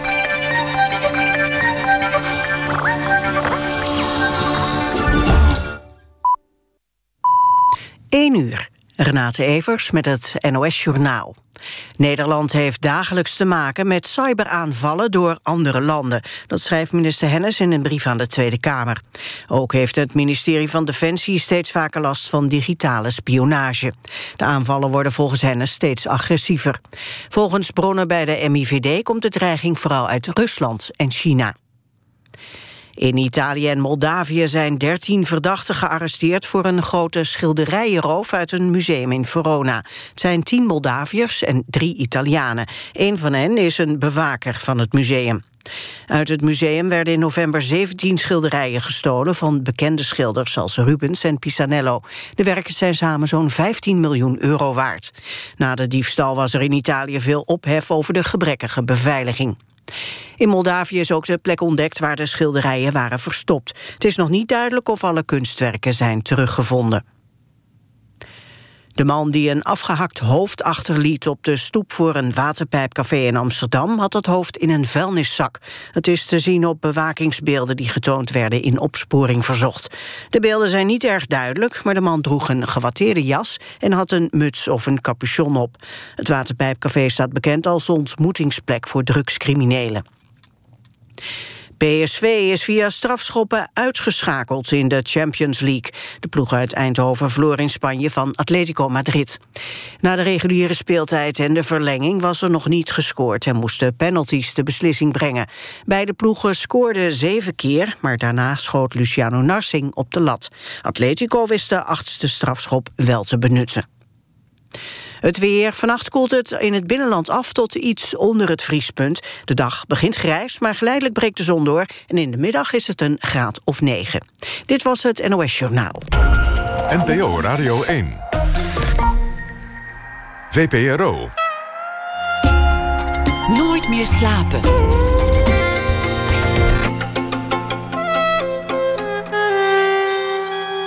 Met Pieter van der Wielen. Thomas van Aalten is schrijver, debuteerde in 2000 met zijn roman Sneeuwbeeld. Andere romans van hem waren De Schuldigen, Leeuwenstrijd en recentelijk Henry, een roman over de gouden tijd van het Nederlandse tijdschrift. En hij zal deze week elke nacht een verhaal maken over de voorbije dag. Thomas, goeienacht. Goeienacht. Vertel eens, weer een dag voorbij. Wat is er gebeurd? Nou ja, er schijnt uh, wat gebeurd te zijn op voetbal... Uh gebied Atletico Madrid tegen PSV. Maar het is onderhand een traditie dat ik altijd iets noem... en dat ik daar vervolgens geen verhaal uh, over heb geschreven. Dat is nu wederom het uh, geval. Nee, waar ik het over wil hebben is... Dat de temperatuur aan de oppervlakte van de aarde wereldwijd gezien weer een stukken warmer is dan het, dan het gemiddelde. Een zeer warme winter dus. De temperatuur stijgt, dat, dat viel ook Ja. te verwachten, maar dat wordt elke keer ook waargenomen. Ja, en, en ja, toch staat het niet op elke voorpagina. En ik heb er eens over na zitten denken waarom dat eh, nou zo is. En volgens mij is het zo omdat we van de meeste eh, rampen of eh, situaties waar we bang van worden... kunnen we het altijd vergelijken met een andere ramp of een oorlog. Maar we hebben ja, volgens mij nog nooit zoiets eh, ehm, meegemaakt... op het moment dat het echt mis zou gaan met het stijgen van de zeespiegel. Dus we kunnen ons er geen voorstelling van maken. En daarom denk ik dat we nu nog gewoon een beetje ernaar staan te kijken. En eh, ten tweede, er is natuurlijk ook niet echt een vijand. Ja, die, die is er wel, maar dat zijn we, zijn we zelf. En daar kunnen we ook geen, niet echt ten strijde tegen trekken. Dus ja, dat, eh, daar heb ik over na zitten denken en een verhaal over geschreven. Ga je gang. De Zwemmer. Een woonwijk in Nederland. Een wit huis, omstreeks de millenniumwisseling gebouwd... met een voortuin die afwijkt van de tuin van de buren... maar toch hebben de bewoners de attributen en beplanting... bij hetzelfde tuincentrum gehaald. Het is stil op straat en bijna overal is het donker. Op de bovenste verdieping van het witte huis brandt nog licht. Frank en Astrid, beide halverwege de veertig. Hun tienerkinderen liggen al enkele uren te slapen, maar het echtpaar is in een verhitte strijd verwikkeld. Het venster staat open, zodat wij hun stemmen kunnen horen hoezeer ze voor hun kinderen hun best doen om niet gehoord te worden. De man haalt zijn leesbril van zijn neus en legt de detective terzijde. Maar lieve Astrid, wat wil je dat ik zeg? Moet ik soms in een bodywarmer van Greenpeace en met een megafoon naar het Binnenhof om te strijden tegen de vervuilende multinationals? Nee, maar je kunt het op zijn minst met mij eens zijn. Frank ziet ineens voor zich hoe hij bovenaan de trap van zijn witte huis staat, terwijl de onderste treden drassig worden van het troebele water. De koffer in zijn hand is zinloos geworden, want aan zijn werk gaan hoeft niet meer door deze overstroming. Frank loopt de trap af en voelt hoe de pijpen van zijn broek aan zijn enkels kleven. Hij zet zich af en zwemt zijn huis, zijn straat en even later zijn vertrouwde leven uit. De zwemmer. Het uh, verhaal dat je schreef naar aanleiding van de temperatuurstijging. Je hoort vaak over, over klimaatverandering dat het iets heel abstracts is. We lezen het wel, maar je ziet nog niet echt de gevolgen. Je kunt je nog niet echt voorstellen hoe het zal zijn en hoe ver het zal gaan. Maar laat zei iemand: wat als heel veel dingen die nu gebeuren indirect al het gevolg daarvan zijn? De vluchtelingenstroom, de burgeroorlogen, alle, alle onrust in het Midden-Oosten. Wat als dat eigenlijk iets te maken zou kunnen hebben met misoogsten en, en andere problemen van watertoevoer? Er zat eigenlijk best wel wat in. Denk jij dat we het nu al zien, de gevolgen? Uh, ja, of, of dat je achteraf zou kunnen zeggen van... oh ja, daar zagen we de eerste, eerste signalen. Maar wat ik denk dat, nog veel verontrustender is... dat een heleboel mensen nou, ook als je over de gevaren zou, zou praten, dan, dan zullen argumenten ook vaak zijn van ach, die paar graden warmer, nou, er staat er maar een palmboom in mijn voortuin, is dat nou zo erg? Dus ik denk zelfs dat als je het uh, zwart op wit zou, voor ze zou neerleggen, dat dan nog een heleboel mensen hun, hun schouders op zouden, zouden halen. En denken, ach, mijn tijd zal het, uh, zal het wel duren. En in zekere zin hebben ze daarin gelijk. ja, want het heeft natuurlijk ook weer voordelen. Ik bedoel, er zijn hele grote nadelen en het zal heel veel veranderen. Maar het heeft ook ongetwijfeld veel voordelen. Ja, en even goed gaan we over, uh, over 100 jaar kunnen we het allemaal niet meer uh, meemaken, meepraten. Het is meer iets voor de, voor de lange termijn. Hè? Het nageslacht, de, de tijd zal het leren. Morgen weer een verhaal voor nu. Een hele goede nacht. Thomas van Aalten, dankjewel. Zeker, jij ook. In 2008 maakten de zanger van de Arctic Monkeys en zijn vriend Miles Kane samen een album. De naam daarvan was The Last Shadow Puppets. Een groot succes was het. Acht jaar later komt er een tweede album van het gelegenheidsduo. We gaan luisteren naar het titelnummer Everything You've Come to Expect.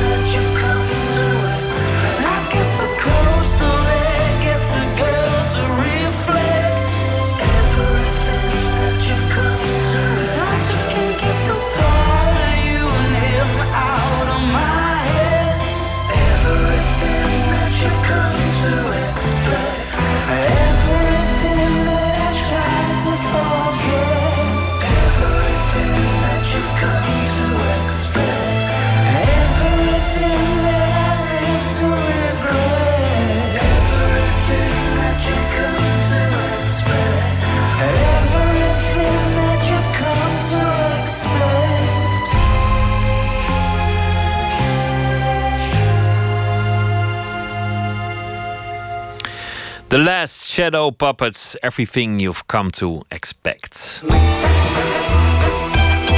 Nooit meer slapen. De tweeling Ilse en Femke van Velsen, geboren in 1980, maakt al zo'n 13 jaar documentaires in Afrika. Behandelen thema's als verkrachting, genocide en falende rechtsstaten. De nieuwste film heet A Haunting History. Deze week te zien tijdens het festival Movies That Matter. In die documentaire volgt ze een jonge voormalig vluchteling die terugkeert naar Zuid-Soedan om al daar een advocatenkantoor te beginnen. Hoe voorkom je moedeloosheid in Afrika? Floortje Smit in gesprek met Ilse en Femke van Velsen. Eigenlijk had Anuel Deng het prima voor elkaar. De jonge Soedanees ontvluchtte de burgeroorlog in zijn land en woonde al jaren veilig in Europa. Hij had zelfs de prestigieuze bar gehaald, het advocatenexamen in Engeland. Maar Deng wilde terug.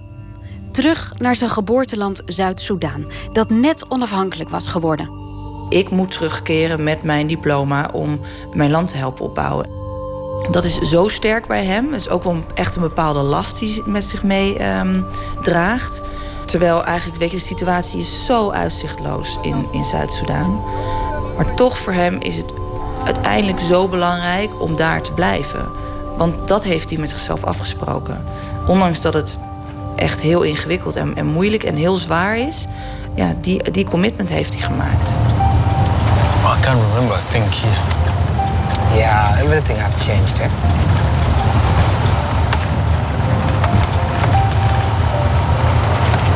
These guys are really struggling.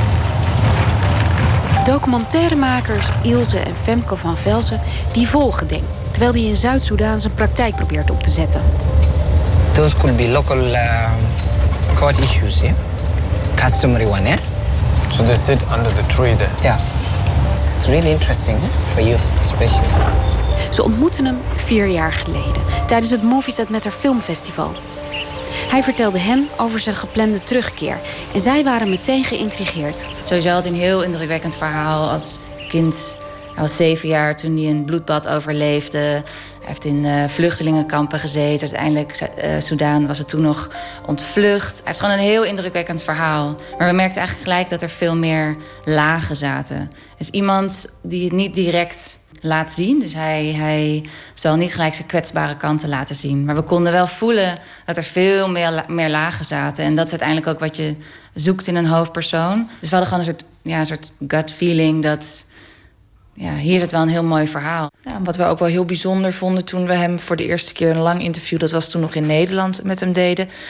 is dat hij nog zo positief en zo sterk en zo moedig blijft. Weet je, als je zo ongelooflijk veel leed, dood en verderf hebt gezien als je al een klein kind bent, dan zou je toch denken dat dat, dat natuurlijk het tekentje, maar dat je er dan zo positief juist en zo sterk uit kan komen en je zo erg inzet en wil inzetten voor het welzijn van anderen.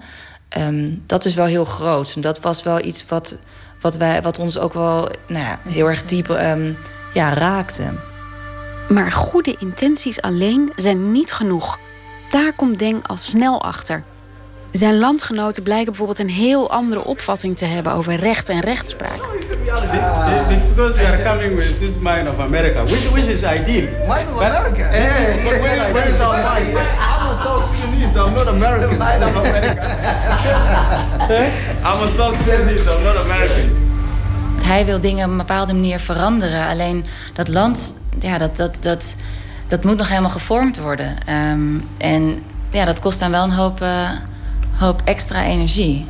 En hij keerde natuurlijk, toen wij hem, toen wij hem volgden, keerde die net terug. En wat ik wel vaker, want we hebben meerdere films gemaakt... ook over uh, uh, asielzoekers die terugkeren naar Angola. En je merkt ook wel, je gaat ook wel... Hij, gaat, hij keert terug met een, eigenlijk een hele westerse blik... En dat is ook heel lang zijn waarheid geweest. En nou, misschien heeft hij ook wel op een bepaalde manier. Ja, is hij echt een beetje vergeten in wat voor situatie? Of heeft hij dat gewoon niet helemaal goed ingeschat? Waar ga, keer je eigenlijk naar terug? En er is gewoon zo'n groot verschil. Uh, en zeker in, in, in het rechtssysteem. Dus het is een, een combinatie met zijn karakter. Ja, en dat hele verwesterse, en dat zit hem ook, nou ja, dat zie je ook heel duidelijk in de film. Hij loopt af en toe echt tegen muren op. I know you are a loyal person. Your heart is always loyal, and therefore we won't like you consumed by the by uh, by the country things. You have a degree in social work. You have a degree in engineer, I'm a lawyer. But there are more children than us who are far much better than us who, who died in 1991. So that is what I feel so bitter about, you know? Because had those children been alive, maybe some of them would have So- become so- the best so- scientists so- or the best engineers. Do you think not. that is not consuming you? No, it is not. Doesn't happen. Deng wordt geplaagd door een soort survivors guilt. Hij komt nog meer onder druk te staan omdat zijn trauma's in Zuid-Soedan weer omhoog komen. You cannot forget the past. I know, Because yes, the minute but- you forget the past, huh, you can repeat the past very quickly. En al helemaal als in 2013 opnieuw burgeroorlog uitbreekt. En hij de geschiedenis voor zijn ogen opnieuw ziet voltrekken. I know the mentality of the South Sudanese. They're not very easy. They can be very peaceful. And then in the next few minutes, they're gone. They're gone out of their mind. Fighting over things that don't even make sense. En toch blijft hij. Ja, maar ik denk wel, en dat is natuurlijk sowieso wel interessant met de hele problematiek die nu speelt met vluchtelingen. Iedereen die wij altijd spreken, ehm, wil het liefste terug naar zijn eigen land, naar zijn eigen roots, naar zijn eigen familie, zijn eigen moeder en zijn vader. En dat is iets wat wij gewoon heel erg vaak vergeten hier. Het is heel makkelijk om te, te oordelen en te praten over vluchtelingen en dat ze allemaal gelukszoekers zijn. Maar ga het maar eens vragen aan, weet je, mensen die hier inmiddels ook wonen en gezetteld zijn. Als ze de kans krijgen, zouden ze zo terugkeren. Ehm, en dat is iets dat, dat vind ik altijd wel heel erg striking. En zeker in deze periode nu met, met zo'n grote vluchtelingenproblematiek. Denk ik verder, dat zouden we wel een heel groot voorbeeld ook kunnen nemen. Eens een keer echt eerlijker en beter bij, bij stilstaan.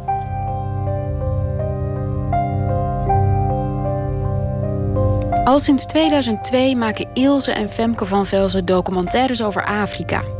Het is een continent dat ze maar blijft trekken. Ja, het heeft te maken met mensen, maar denk ook de kleuren en de geuren.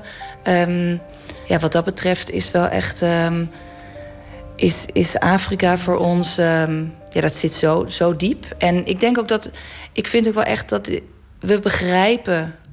Of nou, we hebben zo'n sterke connectie inmiddels met de, met de mensen daar. En ondanks dat in elk land de culturen en de geschiedenis en de mensen anders zijn, eh, hebben we wel heel snel connectie mee. Dus blijkbaar ligt daar een, een, een connectie en een link. En ja, dat elke keer, het maakt niet uit in welk land we zijn, ja, het blijft gewoon heel erg mooi. En, en dat is vooral omdat misschien ook het grote contrast. Weet je, het gaat in heel veel van die landen absoluut niet goed. Maar de mensen zijn zo warm en zo open en vriendelijk en vooral veerkrachtig. Want bijvoorbeeld, we hebben acht jaar hiervoor hebben we in eh, het oosten van de Democratische Republiek in Congo gewerkt. Hebben we drie documentaires gemaakt. We hebben daar in die, in die acht jaar dat we zaten nooit iets negatiefs meegemaakt. En dat zegt dan zo ontzettend veel over de bevolking, over de gewone mensen. Want afgezien van, het- van het regime en van de, van de politiek, zijn de lokale mensen, dat is het land. En daar moet je ook naar kijken. Alleen die krijgen niet altijd de kans natuurlijk om hun verhaal te vertellen. En dat is iets wat wij wel ook proberen te doen. Eh, juist de kleine verhalen van, de kleine, van gewoon de burger daar. ehm, om daar het, het verhaal aan te dragen. Dus dat is ook wat we met deze film gedaan. Aan ons een, ja, gewone jonge Zuid-Soedanees die terugkeert. en die daar zijn steentje wil gaan, gaan bijdragen. Want het zijn individuen als Anul waardoor de zusjes van Velzen nooit het vertrouwen zijn verloren na al die jaren Afrika en hun documentaires over falende rechtssystemen en seksueel geweld. Daarom hebben ze nu bijvoorbeeld samen met onder andere Anul een kleinschalig educatieproject opgezet, omdat volgens hen elk kind kan uitgroeien tot een man die het verschil maakt. Maar zelfs bij hen ligt de moedeloosheid nog wel eens op de loer. Nou, wij, hebben natuurlijk wel momenten. En zeker in, het proces van deze film. Dat er ehm, nou, een beetje na een jaar dat we aan het draaien waren, opeens, nou, best wel opeens een oorlog uitbrak. In ieder geval. Ja, dat zijn wel momenten dat je denkt van, oh mijn god, weet je, zakt dit land. Het was zoveel hoop en zoveel dat voelde je ook echt in het land. En dan als een land weer zo ver teruggeworpen wordt, dat is wel. Um, Dat is heel pijnlijk. En dat, ja, daar word je wel moedeloos van. Alleen dat is elke keer weer. Want dan, weet je, zolang de lokale mensen het niet opgeven, ja, dat, dat, dat soort van voedt onze motor ook. Om te zeggen van ja, nou ja, daar gaan wij ons niet, niet voor, voor uh, afkeren. Um, we gaan deze verhalen wel gewoon, we blijven ze vertellen. En ik vind het ook niet fair om, een, om helemaal uitzichtloos te zijn. Oké, het is echt heel erg lastig op het moment in Zuid-Soedan. Maar ja, eh, er zijn heel veel van dit soort jongens als Anual die terug zijn gekeerd um, met diploma's. En die echt staan te springen om iets voor het land te kunnen betekenen.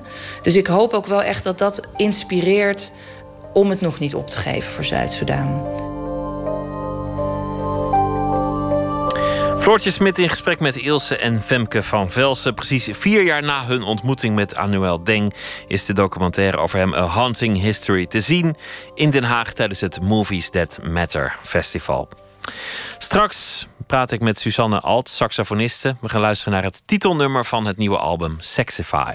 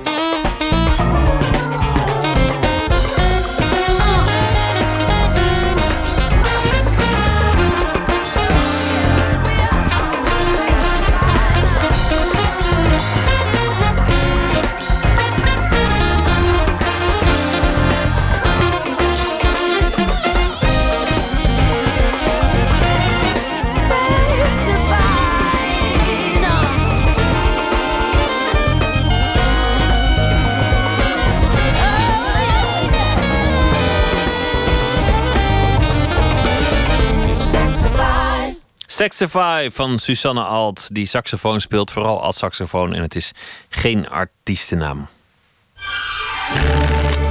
Open kaart. De bak met kaarten op elke kaart staat een vraag. Susanne Alt zit hier, saxofoniste. U hoorde haar net al uh, van het nieuwe album Sexify... dat deze week zal verschijnen. We gaan het uh, hebben over uh, de muziek... en over alles wat verder ter sprake zal komen aan de hand van kaarten. Net hoorden we Fred Wesley meetoeteren op, uh, op het nummer. Een, een, grootheid, bekend van James Brown, George Clinton, Maceo ja. Parker. Hoe, ben jij bij hem terechtgekomen? Eigenlijk toen via MySpace. MySpace was uh, tien jaar geleden um, ja, was het helemaal hip. En is eigenlijk, was toen wat, wat, uh, wat nu Facebook is en Instagram. En uh, muzikanten, onbekend en bekend, begaven zich massaal op MySpace om met elkaar in contact te komen. Want het was een nieuw medium. En dus ik, ik zag plotseling Fred Wesley's profiel langskomen. Ik dacht van, hé, hey, die heb ik lang niet meer live gezien. Dus ik dacht, ik schrijf hem gewoon. En wie weet, misschien krijg ik iets terug. En, en anders is het gewoon een management. En, uh, en uh, niemand, niemand kijkt daarna of zo.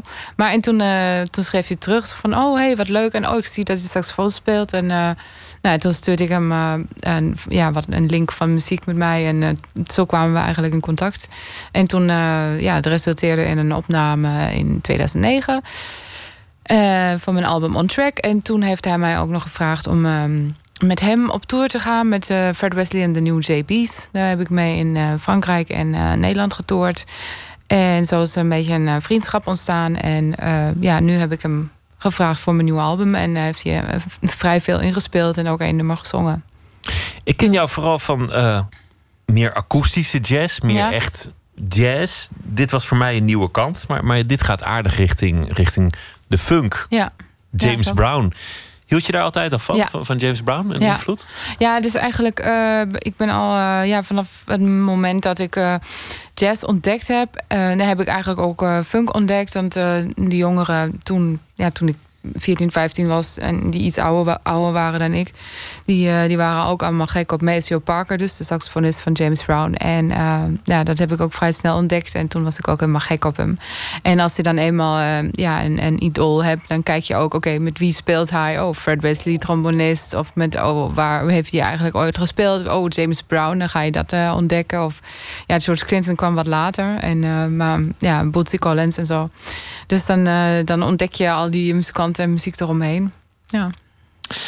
Het past ook op de een of andere manier goed bij elkaar. Terwijl het, terwijl het twee verschillende stijlen met een andere geschiedenis zijn. Maar zodra die funk opkwam in de jaren zestig... waren ook de grootheden als Miles Davis en, en Donald Byrd meteen Precies. enthousiast. Die, die wilden allemaal die kant op. Ja, Herbie Hancock is ook iemand die eigenlijk eh, continu nog steeds crossover artiest is. Of tussen, tussen jazz en funk en pop en eh, ja, aanverwante muziek. En eh, ja, jazzachtige muziek noem ik het. Ik denk dat ik wel een jazzmuzikant ben, maar dat ik, ehm, ik speel ook met de house DJ's. En, maar dan speel ik geïmproviseerde solo's. Dus het blijft eh, jazz solo, maar in een andere muzikale context. En dat heb ik met funk eigenlijk ook. Wat was de Ja. muziek die jou naar de saxofoon trok in de tijd toen je voor het eerst ging spelen?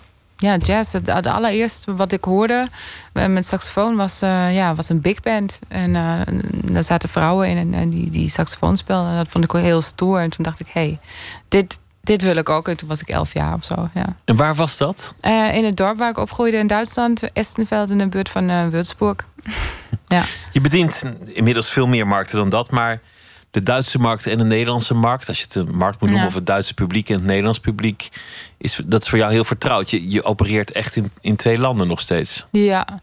En eh, met, eh, ja, maar ik, ik treed ook vaak in, in België op of wel eens in, ehm, ja, ik heb uitstapjes eh, eigenlijk over de hele wereld. Gewoon Thailand of Dubai of ja, ja, Frankrijk een paar keer gespeeld. Daar houden ze heel erg van, van jazz en van funk ook. En ja, gewoon eigenlijk overal waar ze me willen hebben.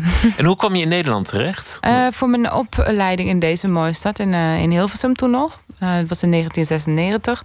Toen was ik 18 jaar en toen heb ik toelatingen gedaan eh, bij het conservatorium wat, ja, wat het meest bekend is, nog steeds in Europa. Het conservatorium van Amsterdam was toen het conservatorium van Hilversum. Hilversums conservatorium. En eh, ik werd meteen toegelaten eh, voor het eerste jaar. Dat was helemaal te gek. Het is gewoon alsof je voetballer bent en je mag eh, bij Ajax komen trainen of zo. Dus dat is gewoon in opleiding, zeg maar. Dat is gewoon, ja, dat, dat is waar, waar, waar je het voor doet. Dus dat was helemaal te gek. Zo is het allemaal gekomen. Ja. Hier, een bak Kaart. vol met kaarten. Ik zou je willen Ja. vragen om er één te trekken. En dan hoop ik dat het een eh, betamelijke vraag is. Oké, welke collega verdient meer waardering? Nou, welke collega van mij? Eh, nou, dat, dat zijn een heleboel. Want er zijn heel veel muzikanten die heel goed eh, kunnen spelen. En misschien niet zo niet zo ehm, niet zo'n grote bek hebben. Want die moet je wel hebben. Ja, je moet namelijk een beetje eh, van de daken schreeuwen hoe goed je bent. Ehm, ja, er zijn een heleboel. moet ik nu, nu wat noemen? Of, En noem eens iemand, eh, bijvoorbeeld in je eigen categorie, op je eigen instrument, die jij echt heel goed vindt. Oh ja, ik heb er één. Ehm, ja, op dit moment gaat volgende week gaat uit mijn hoofd 24 maart, maar dat eh, moet u thuis even nakijken in de North Sea Jazz Club. Een eh, geweldige oude grootmeester van de saxofoon eh, optreden. Die heet Gary Bartz. En ja, die heeft ook met Miles Davis zelfs ja, gespeeld. Precies, ja. En ja, dat schiet me net binnen. En met Kenny Barron heeft hij gespeeld. Dat, ja. dat is een, een man die je herinnert, als je hem al herinnert, want het is een, niet, niet echt een grootheid, met een enorme bos krullen. Ja, klopt. Maar die zijn er allemaal vanaf. Hij is een dagje ouder. Ja, ja, ja, maar hij heeft, hij heeft dus echt met wereldtoppers gespeeld. En is volgens mij nu niet zo hip. Ik bedoel, Sonny Rollins, als, daar, als hij nu optreedt, dan, eh, dan gaat er iedereen naartoe of zo. Maar bij, Gary Bartz niet echt of zo, omdat, men, omdat hij dan net niet zo beroemd is. Maar ja, hij, heeft wel, ja, hij is gewoon een waanzinnige saxofonist. Hij heeft heel veel saxofonisten beïnvloed. En eh, ja, en dat, dat, dat is iemand die, eh, die verdient, vind ik, meer waardering. Je hebt, je hebt natuurlijk in, in elk vak de waterdragers, zoals dat bij het, bij het Mhm. wielrennen heet. Ja. De mensen die in het peloton zitten, die hartstikke goed Ja. zijn, maar die niet schitteren op albumhoesen, Ja. laat staan posters aan de muur. En in de jazz heb je natuurlijk ook heel veel waterdragers. Ja, de Sideman. eh, ja, nou, dat is eh, ook eh, de ondertitel van Fred Wesley's autobiografie.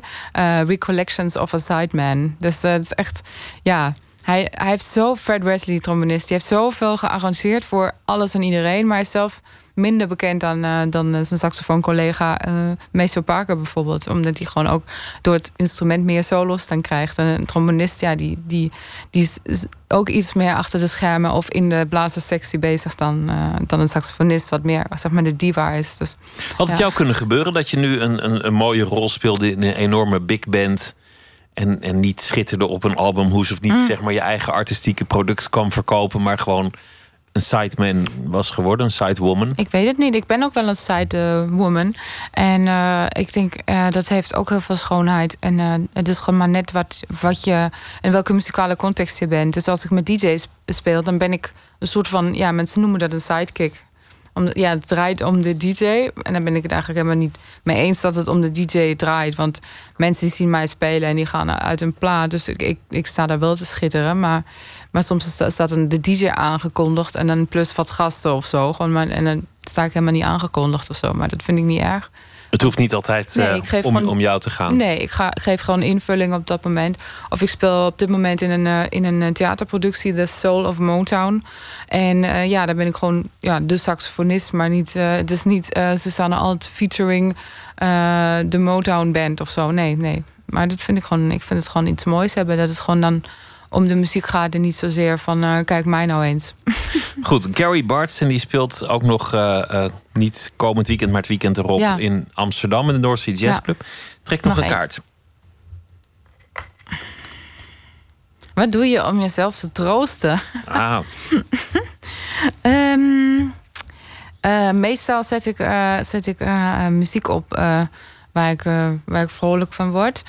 En eh, wat voor muziek is dat? Heb je troostmuziek? mm, ja, vroeger, toen ik, toen ik echt jonger was, toen, mm, toen neigde ik meer naar melancholieke muziek dan of zo. Maar en dan, dan ga je lekker gewoon in die blues zitten, zeg maar.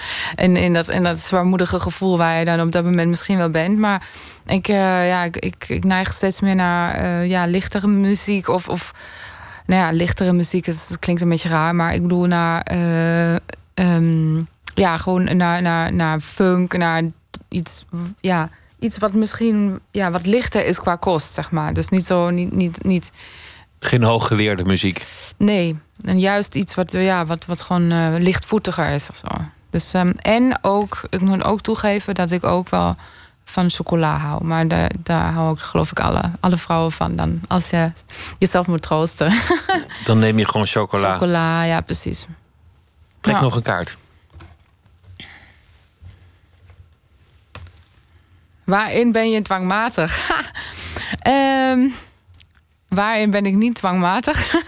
nee, zo erg is het niet. Maar ehm, ik, ben wel, ehm, ik ben wel redelijk eh, grondig in mijn eh, manier van aanpak van alles. Ik, ik vind het eh, niet leuk als ik dingen niet goed kan afmaken of als ik niet goed weet waar, hoe dingen in elkaar zitten. Dus misschien is dat een beetje dwangmatig om eh, een beetje controlerig of zo. Dat zou kunnen. Ehm, dus ja, in heel veel dingen eigenlijk. Heb je ook een, een fase gehad dat je onafscheidelijk was van, van je saxofoon? Dat, dat je dat ding net had, iets na je elfde dan waarschijnlijk. En dat je gewoon moest oefenen en, en chagrijnig werd of onrustig als je hem niet in de buurt had? Hmm. Ehm, ja, dat heb ik op zich nog steeds. Ik, eh, ik ga bijna, ik ga eigenlijk nooit eh, zonder mijn saxofoon ook op vakantie of zo. Dus eh, Ook al ga je naar een eiland om, om daar te zonnen, dan Ja, nog gaat die saxofoon mee. Nee, absoluut. Ja, want juist op een eiland dan is er vast weer ergens een jam sessie. En ja, echt, je kan het zo gek niet bedenken, maar er zijn echt overal mensen die. Dat is mooi aan jazz ook. Of eh, ja, jazzachtige muziek. Dat, ja, er valt overal iets te jammen of te spelen. En eh, ja, ik zou echt doodongelukkig. Dat het overkomt me af en toe dat ik in een jam situatie ben. En dan mijn saxofoon op dat moment niet bij me heb. Dat vind ik echt zo jammer. Want je wil Dus, die eh, muzikanten leren kennen, je wil gewoon het improviseren. Gewoon, het is leuk. Het is gewoon spelen. Het is gewoon net als een spelletje spelen, zeg maar. En dus is het, ja, je, je gaat daar naartoe. ja, Of je, je komt ergens, je hebt de saxofoon bij je. En als je het, als je het goed, goed vindt, dan kan je gewoon meespelen. En dat is, dat is echt zo mooi aan, aan, aan jazz. En dat het gewoon een, een taal is die je spreekt. En dat je met elkaar kan spelen zonder afspraken. En ook zonder de taal te spreken soms. En eh, ja. Oefen je nog? Ehm, ik oefen niet elke dag, maar wel eh, ja, meerdere maanden per jaar. Dat- Dan las ik echt een uh, oefenperiode in. Ja, waar En dan- ik mijn en eh, techniek en oppaleist. Ab- absoluut, ja. ja. Trek nog een Nou, kaart. Ehm, welk boek zou je ooit nog willen lezen? Ehm, ja. Nee. De boeken die ik wil lezen, die lees ik gewoon. Je hebt niet zo van, oh, daar ga ik ooit nog aan beginnen. Nee. eh, Maar het is zo dik of het heeft honderd Nee. eh, pagina's. En, en als je het hebt over muzikanten. Want, want eh, langzaamaan verschijnen er steeds meer biografieën van Ja. muzikanten. Die lees ik dus ook allemaal. Of zover ik het kan. En is er dan een muzikant waarvan je nog nooit de, de goede biografie gevonden hebt? Waar je echt nieuwsgierig naar bent van, goh, ik hoor die muziek, dat, dat leven, ik wil ervan van weten. Maar ik weet eigenlijk niet of er een biografie van is. Nee. Nee Als die er is, dan heb je hem gewoon gelezen. Ja, ik heb gewoon net, eh, net van, van Mason Parker, van Fred Wesley, van eh, Herbie Hancock, van eh, George Clinton, ja, James Brown. ehm, ja, heb ik net ja, eigenlijk allemaal heel veel gelezen. Ja. En wat interesseert je dan? Want op een zeker ogenblik lijken die levens ook wel een beetje op elkaar. Dezelfde tijd, dezelfde omgeving, dezelfde interesse, namelijk Mhm. muziek. Of, of is Ehm. het toch elke keer fascinerend om, om te, te lezen hoe het eraan toe ging bij Fred Wesley, Maceo Parker, ik denk Pee Wee de, Ellis? de verbanden en hoe, hoe, kwam het, eh, hoe, kwam, hoe kwamen ze tot die muziek? Of hoe, hoe kwam het dat ze op dat moment zoveel gingen schrijven? Of wat waren de omstandigheden? Of kwam het echt. eh, heel vaak kom je achter bijvoorbeeld dat, ehm, ja, dat ze gewoon. eh, ze moesten gewoon afleveren. Ze moesten gewoon.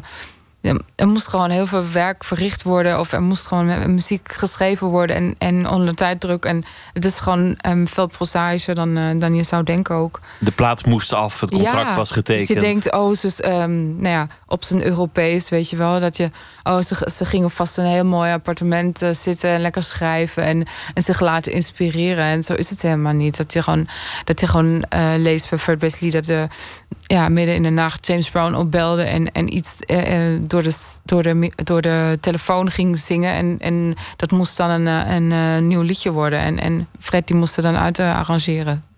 En de enige aanwijzingen waren ja, door de telefoon en, en dat soort dingen. En dat moest gewoon de volgende dag klaar zijn. Maar goed, James Brown was in die tijd met zoveel talent om hem heen verzameld. Ja. En de man zelf als een brok dynamiet. Ja, ja. Dat was onvoorstelbaar Ja. hoe hij in vorm was in, in, in die jaren. Ja. Sexify heet het Ja. nieuwe album. Susanne Alt, dankjewel. ja. En heel veel succes. Nee, dankjewel. Hij had zichzelf een unieke vorm van gitaarspel aangeleerd. Mocht daarom twee keer wat liedjes opnemen. Eén keer in New York. En dat was al heel wat voor een jongen uit Avalon, Mississippi.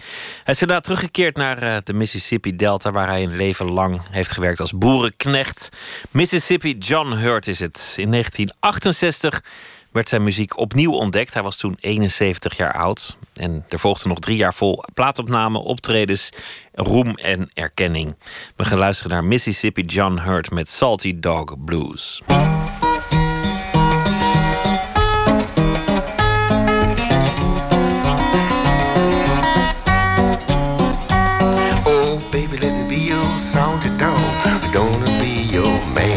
Baby, let me be your salty dog. I don't wanna be your man. Oh, baby, I wanna be your salty dog. Well, little fish, big fish, swim in the water. Come back, man, give me a quarter.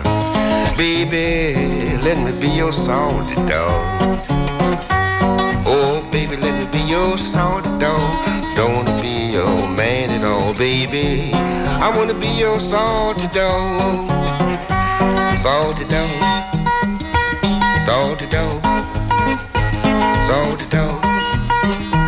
Baby, I wanna be your salty dog. I says one, two, three, four, five, six. Please don't leave me in this fix, baby. I wanna be your salty dog.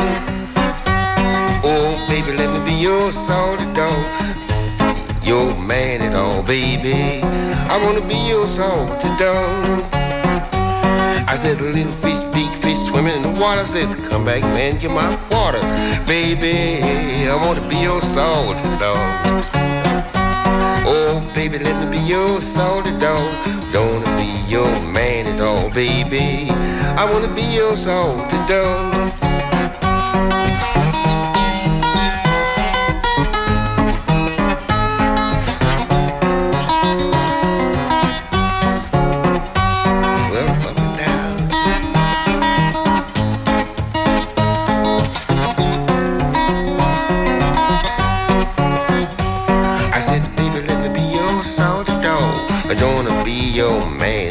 Baby. I wanna be your salty dog. That's two girls playing in the sand. Yeah, I wanna be your salty dog. Oh, baby, let me be your. Baby, let me be your salty dog.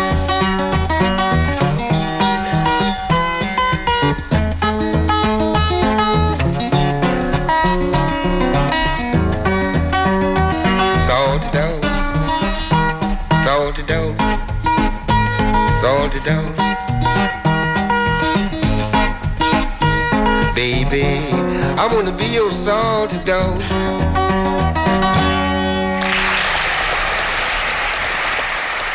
Mississippi John Hurt met Salty Dog Blues. Nooit meer slapen.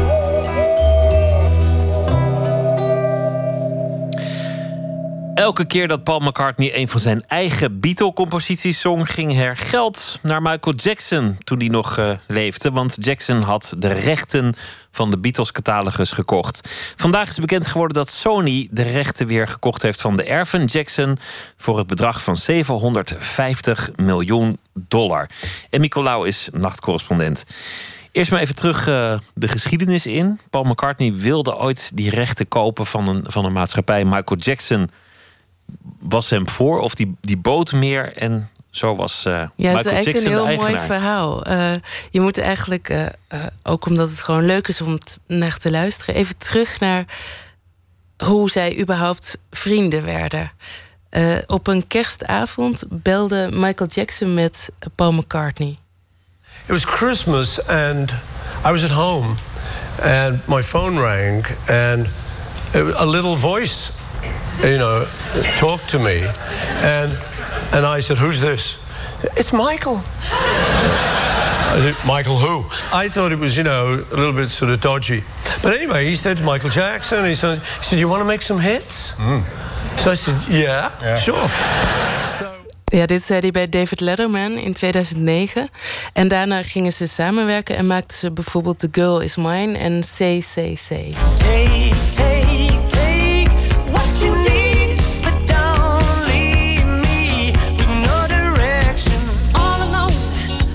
Ja, dat is wel mooi. Hij zingt hier eigenlijk al take, take, take what you need. En eh, nou ja, dat is dus precies wat Michael Jackson uiteindelijk gedaan heeft. Hij was totaal geen goede businessman. Maar dit werd echt de beste deal uit zijn eh, hele leven.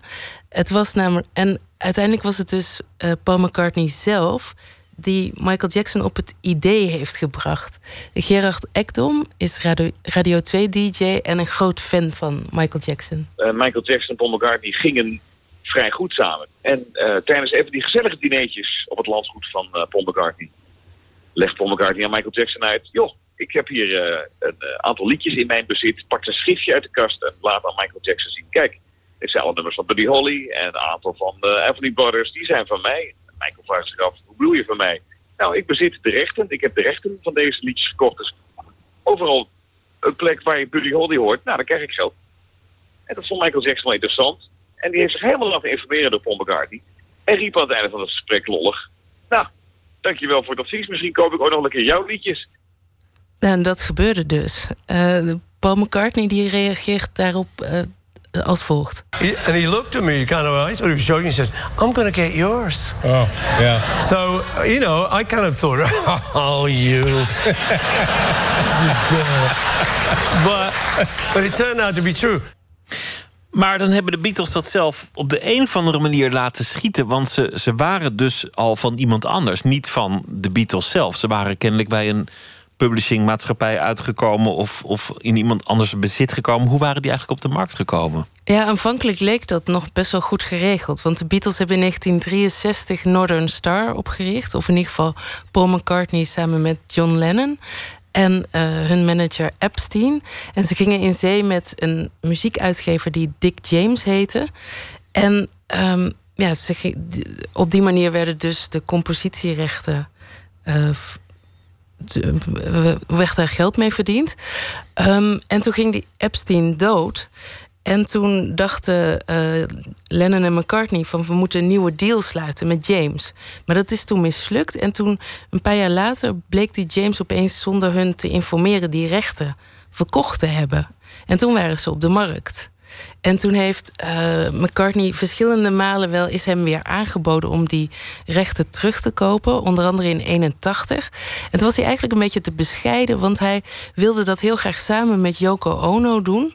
Want hij vond het anders een beetje ongemakkelijk om die rechten ook van John Lennon's muziek in zijn eentje te bezitten. En Ono dacht toen van ja, we kunnen het wel voor de helft van de prijs krijgen. En toen is dat weer mislukt. En eh, toen is het eigenlijk een beetje versloft. En toen in 1985 kwamen ze weer op de markt. En ja, toen is McCartney wel geïnformeerd. Maar toen is Michael Jackson gewoon het eh, snelst geweest.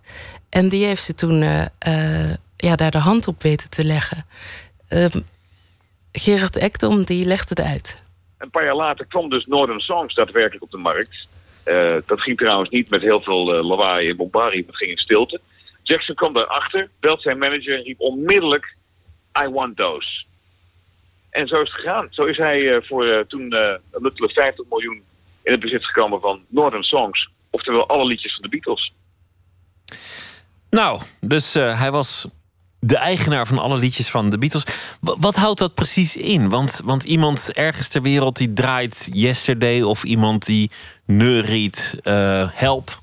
of, of iemand covert om wat voor reden ook... of gebruikt in de reclame iets anders. En dan komt er wat geld bij Michael uit. Ja, en nu dus bij Sony. Die, als je het zelf uitvoert, dan krijgt eh, ehm, Paul McCartney nog steeds wel geld. Maar dit zijn eigenlijk de uitgeefrechten. En daar kun je wel verschillende deals over sluiten. Maar in die tijd ja, was het allemaal nog heel ondoorzichtig. Dus de Beatles hebben wel meer verkeerde deals gesloten. Nu zouden grote muzikanten dat wel anders doen.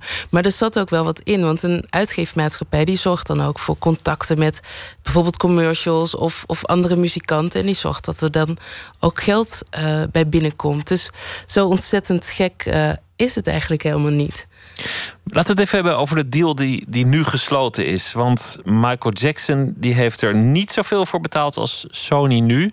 750 miljoen dollar heeft Sony nu betaald aan de, de erven Jackson. Een gigantisch bedrag. Lijkt dat een goede deal te zijn?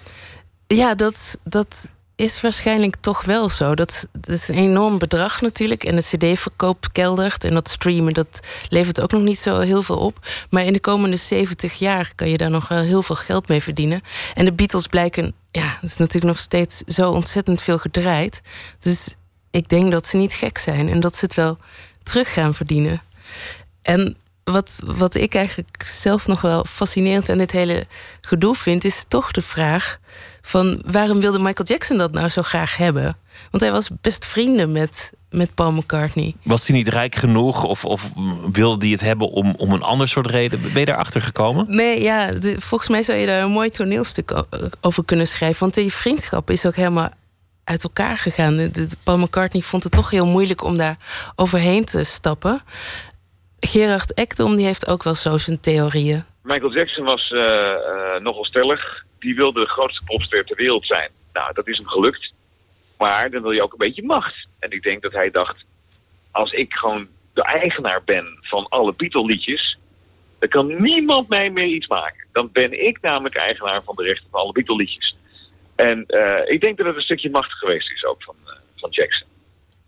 Het paradoxale met die 750 miljoen dollar is het misschien wel de beste business deal van Michael Jackson geweest. En, en heeft het misschien wel net zoveel geld opgeleverd als sommige van zijn albums. Die toch ook heel veel geld hebben opgeleverd. Ja, hij was hartstikke failliet toen hij dood was. En dit was eigenlijk zijn grootste bezit.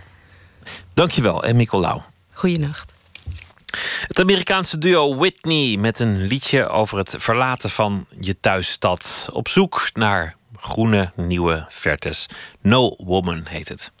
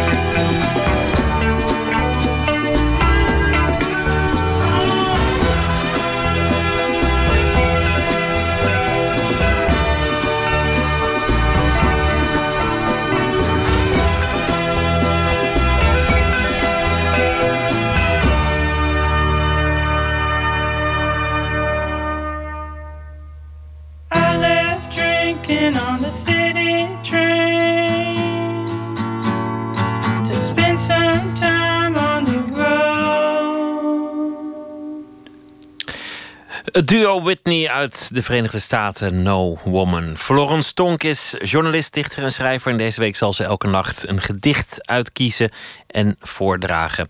Het gedicht van deze nacht heeft als titel Pompstation.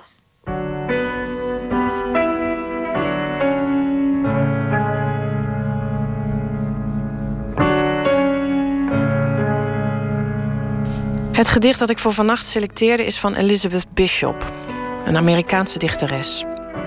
Ik leerde dat gedicht kennen dankzij de dichter Ineke Holtshaus, die het voordroeg op een van haar poëzie op zondagmiddagen in de Amsterdamse Openbare Bibliotheek.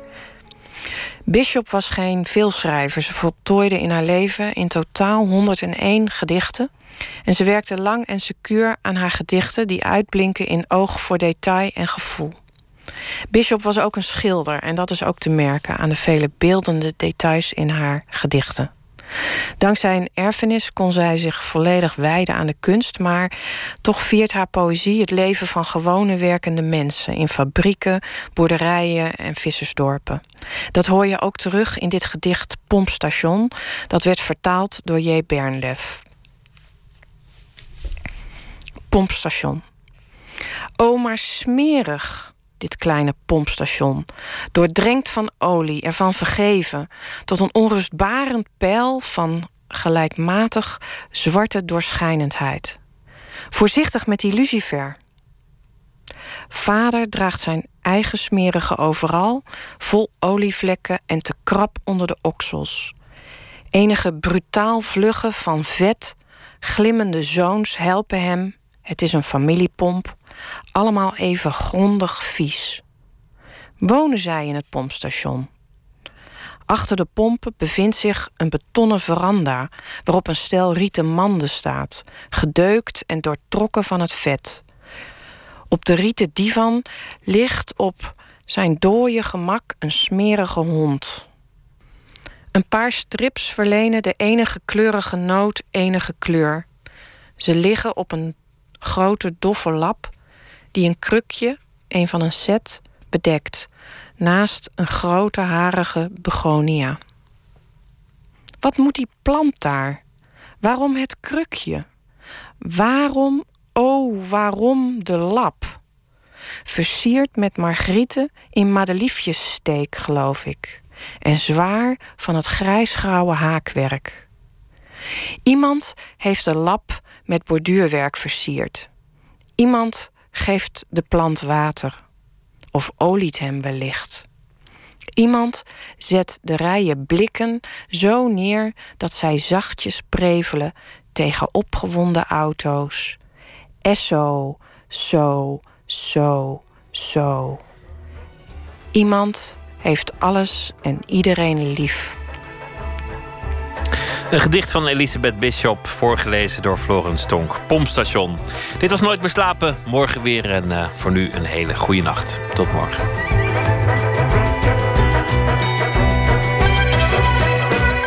Op Radio 1, het nieuws van alle kanten.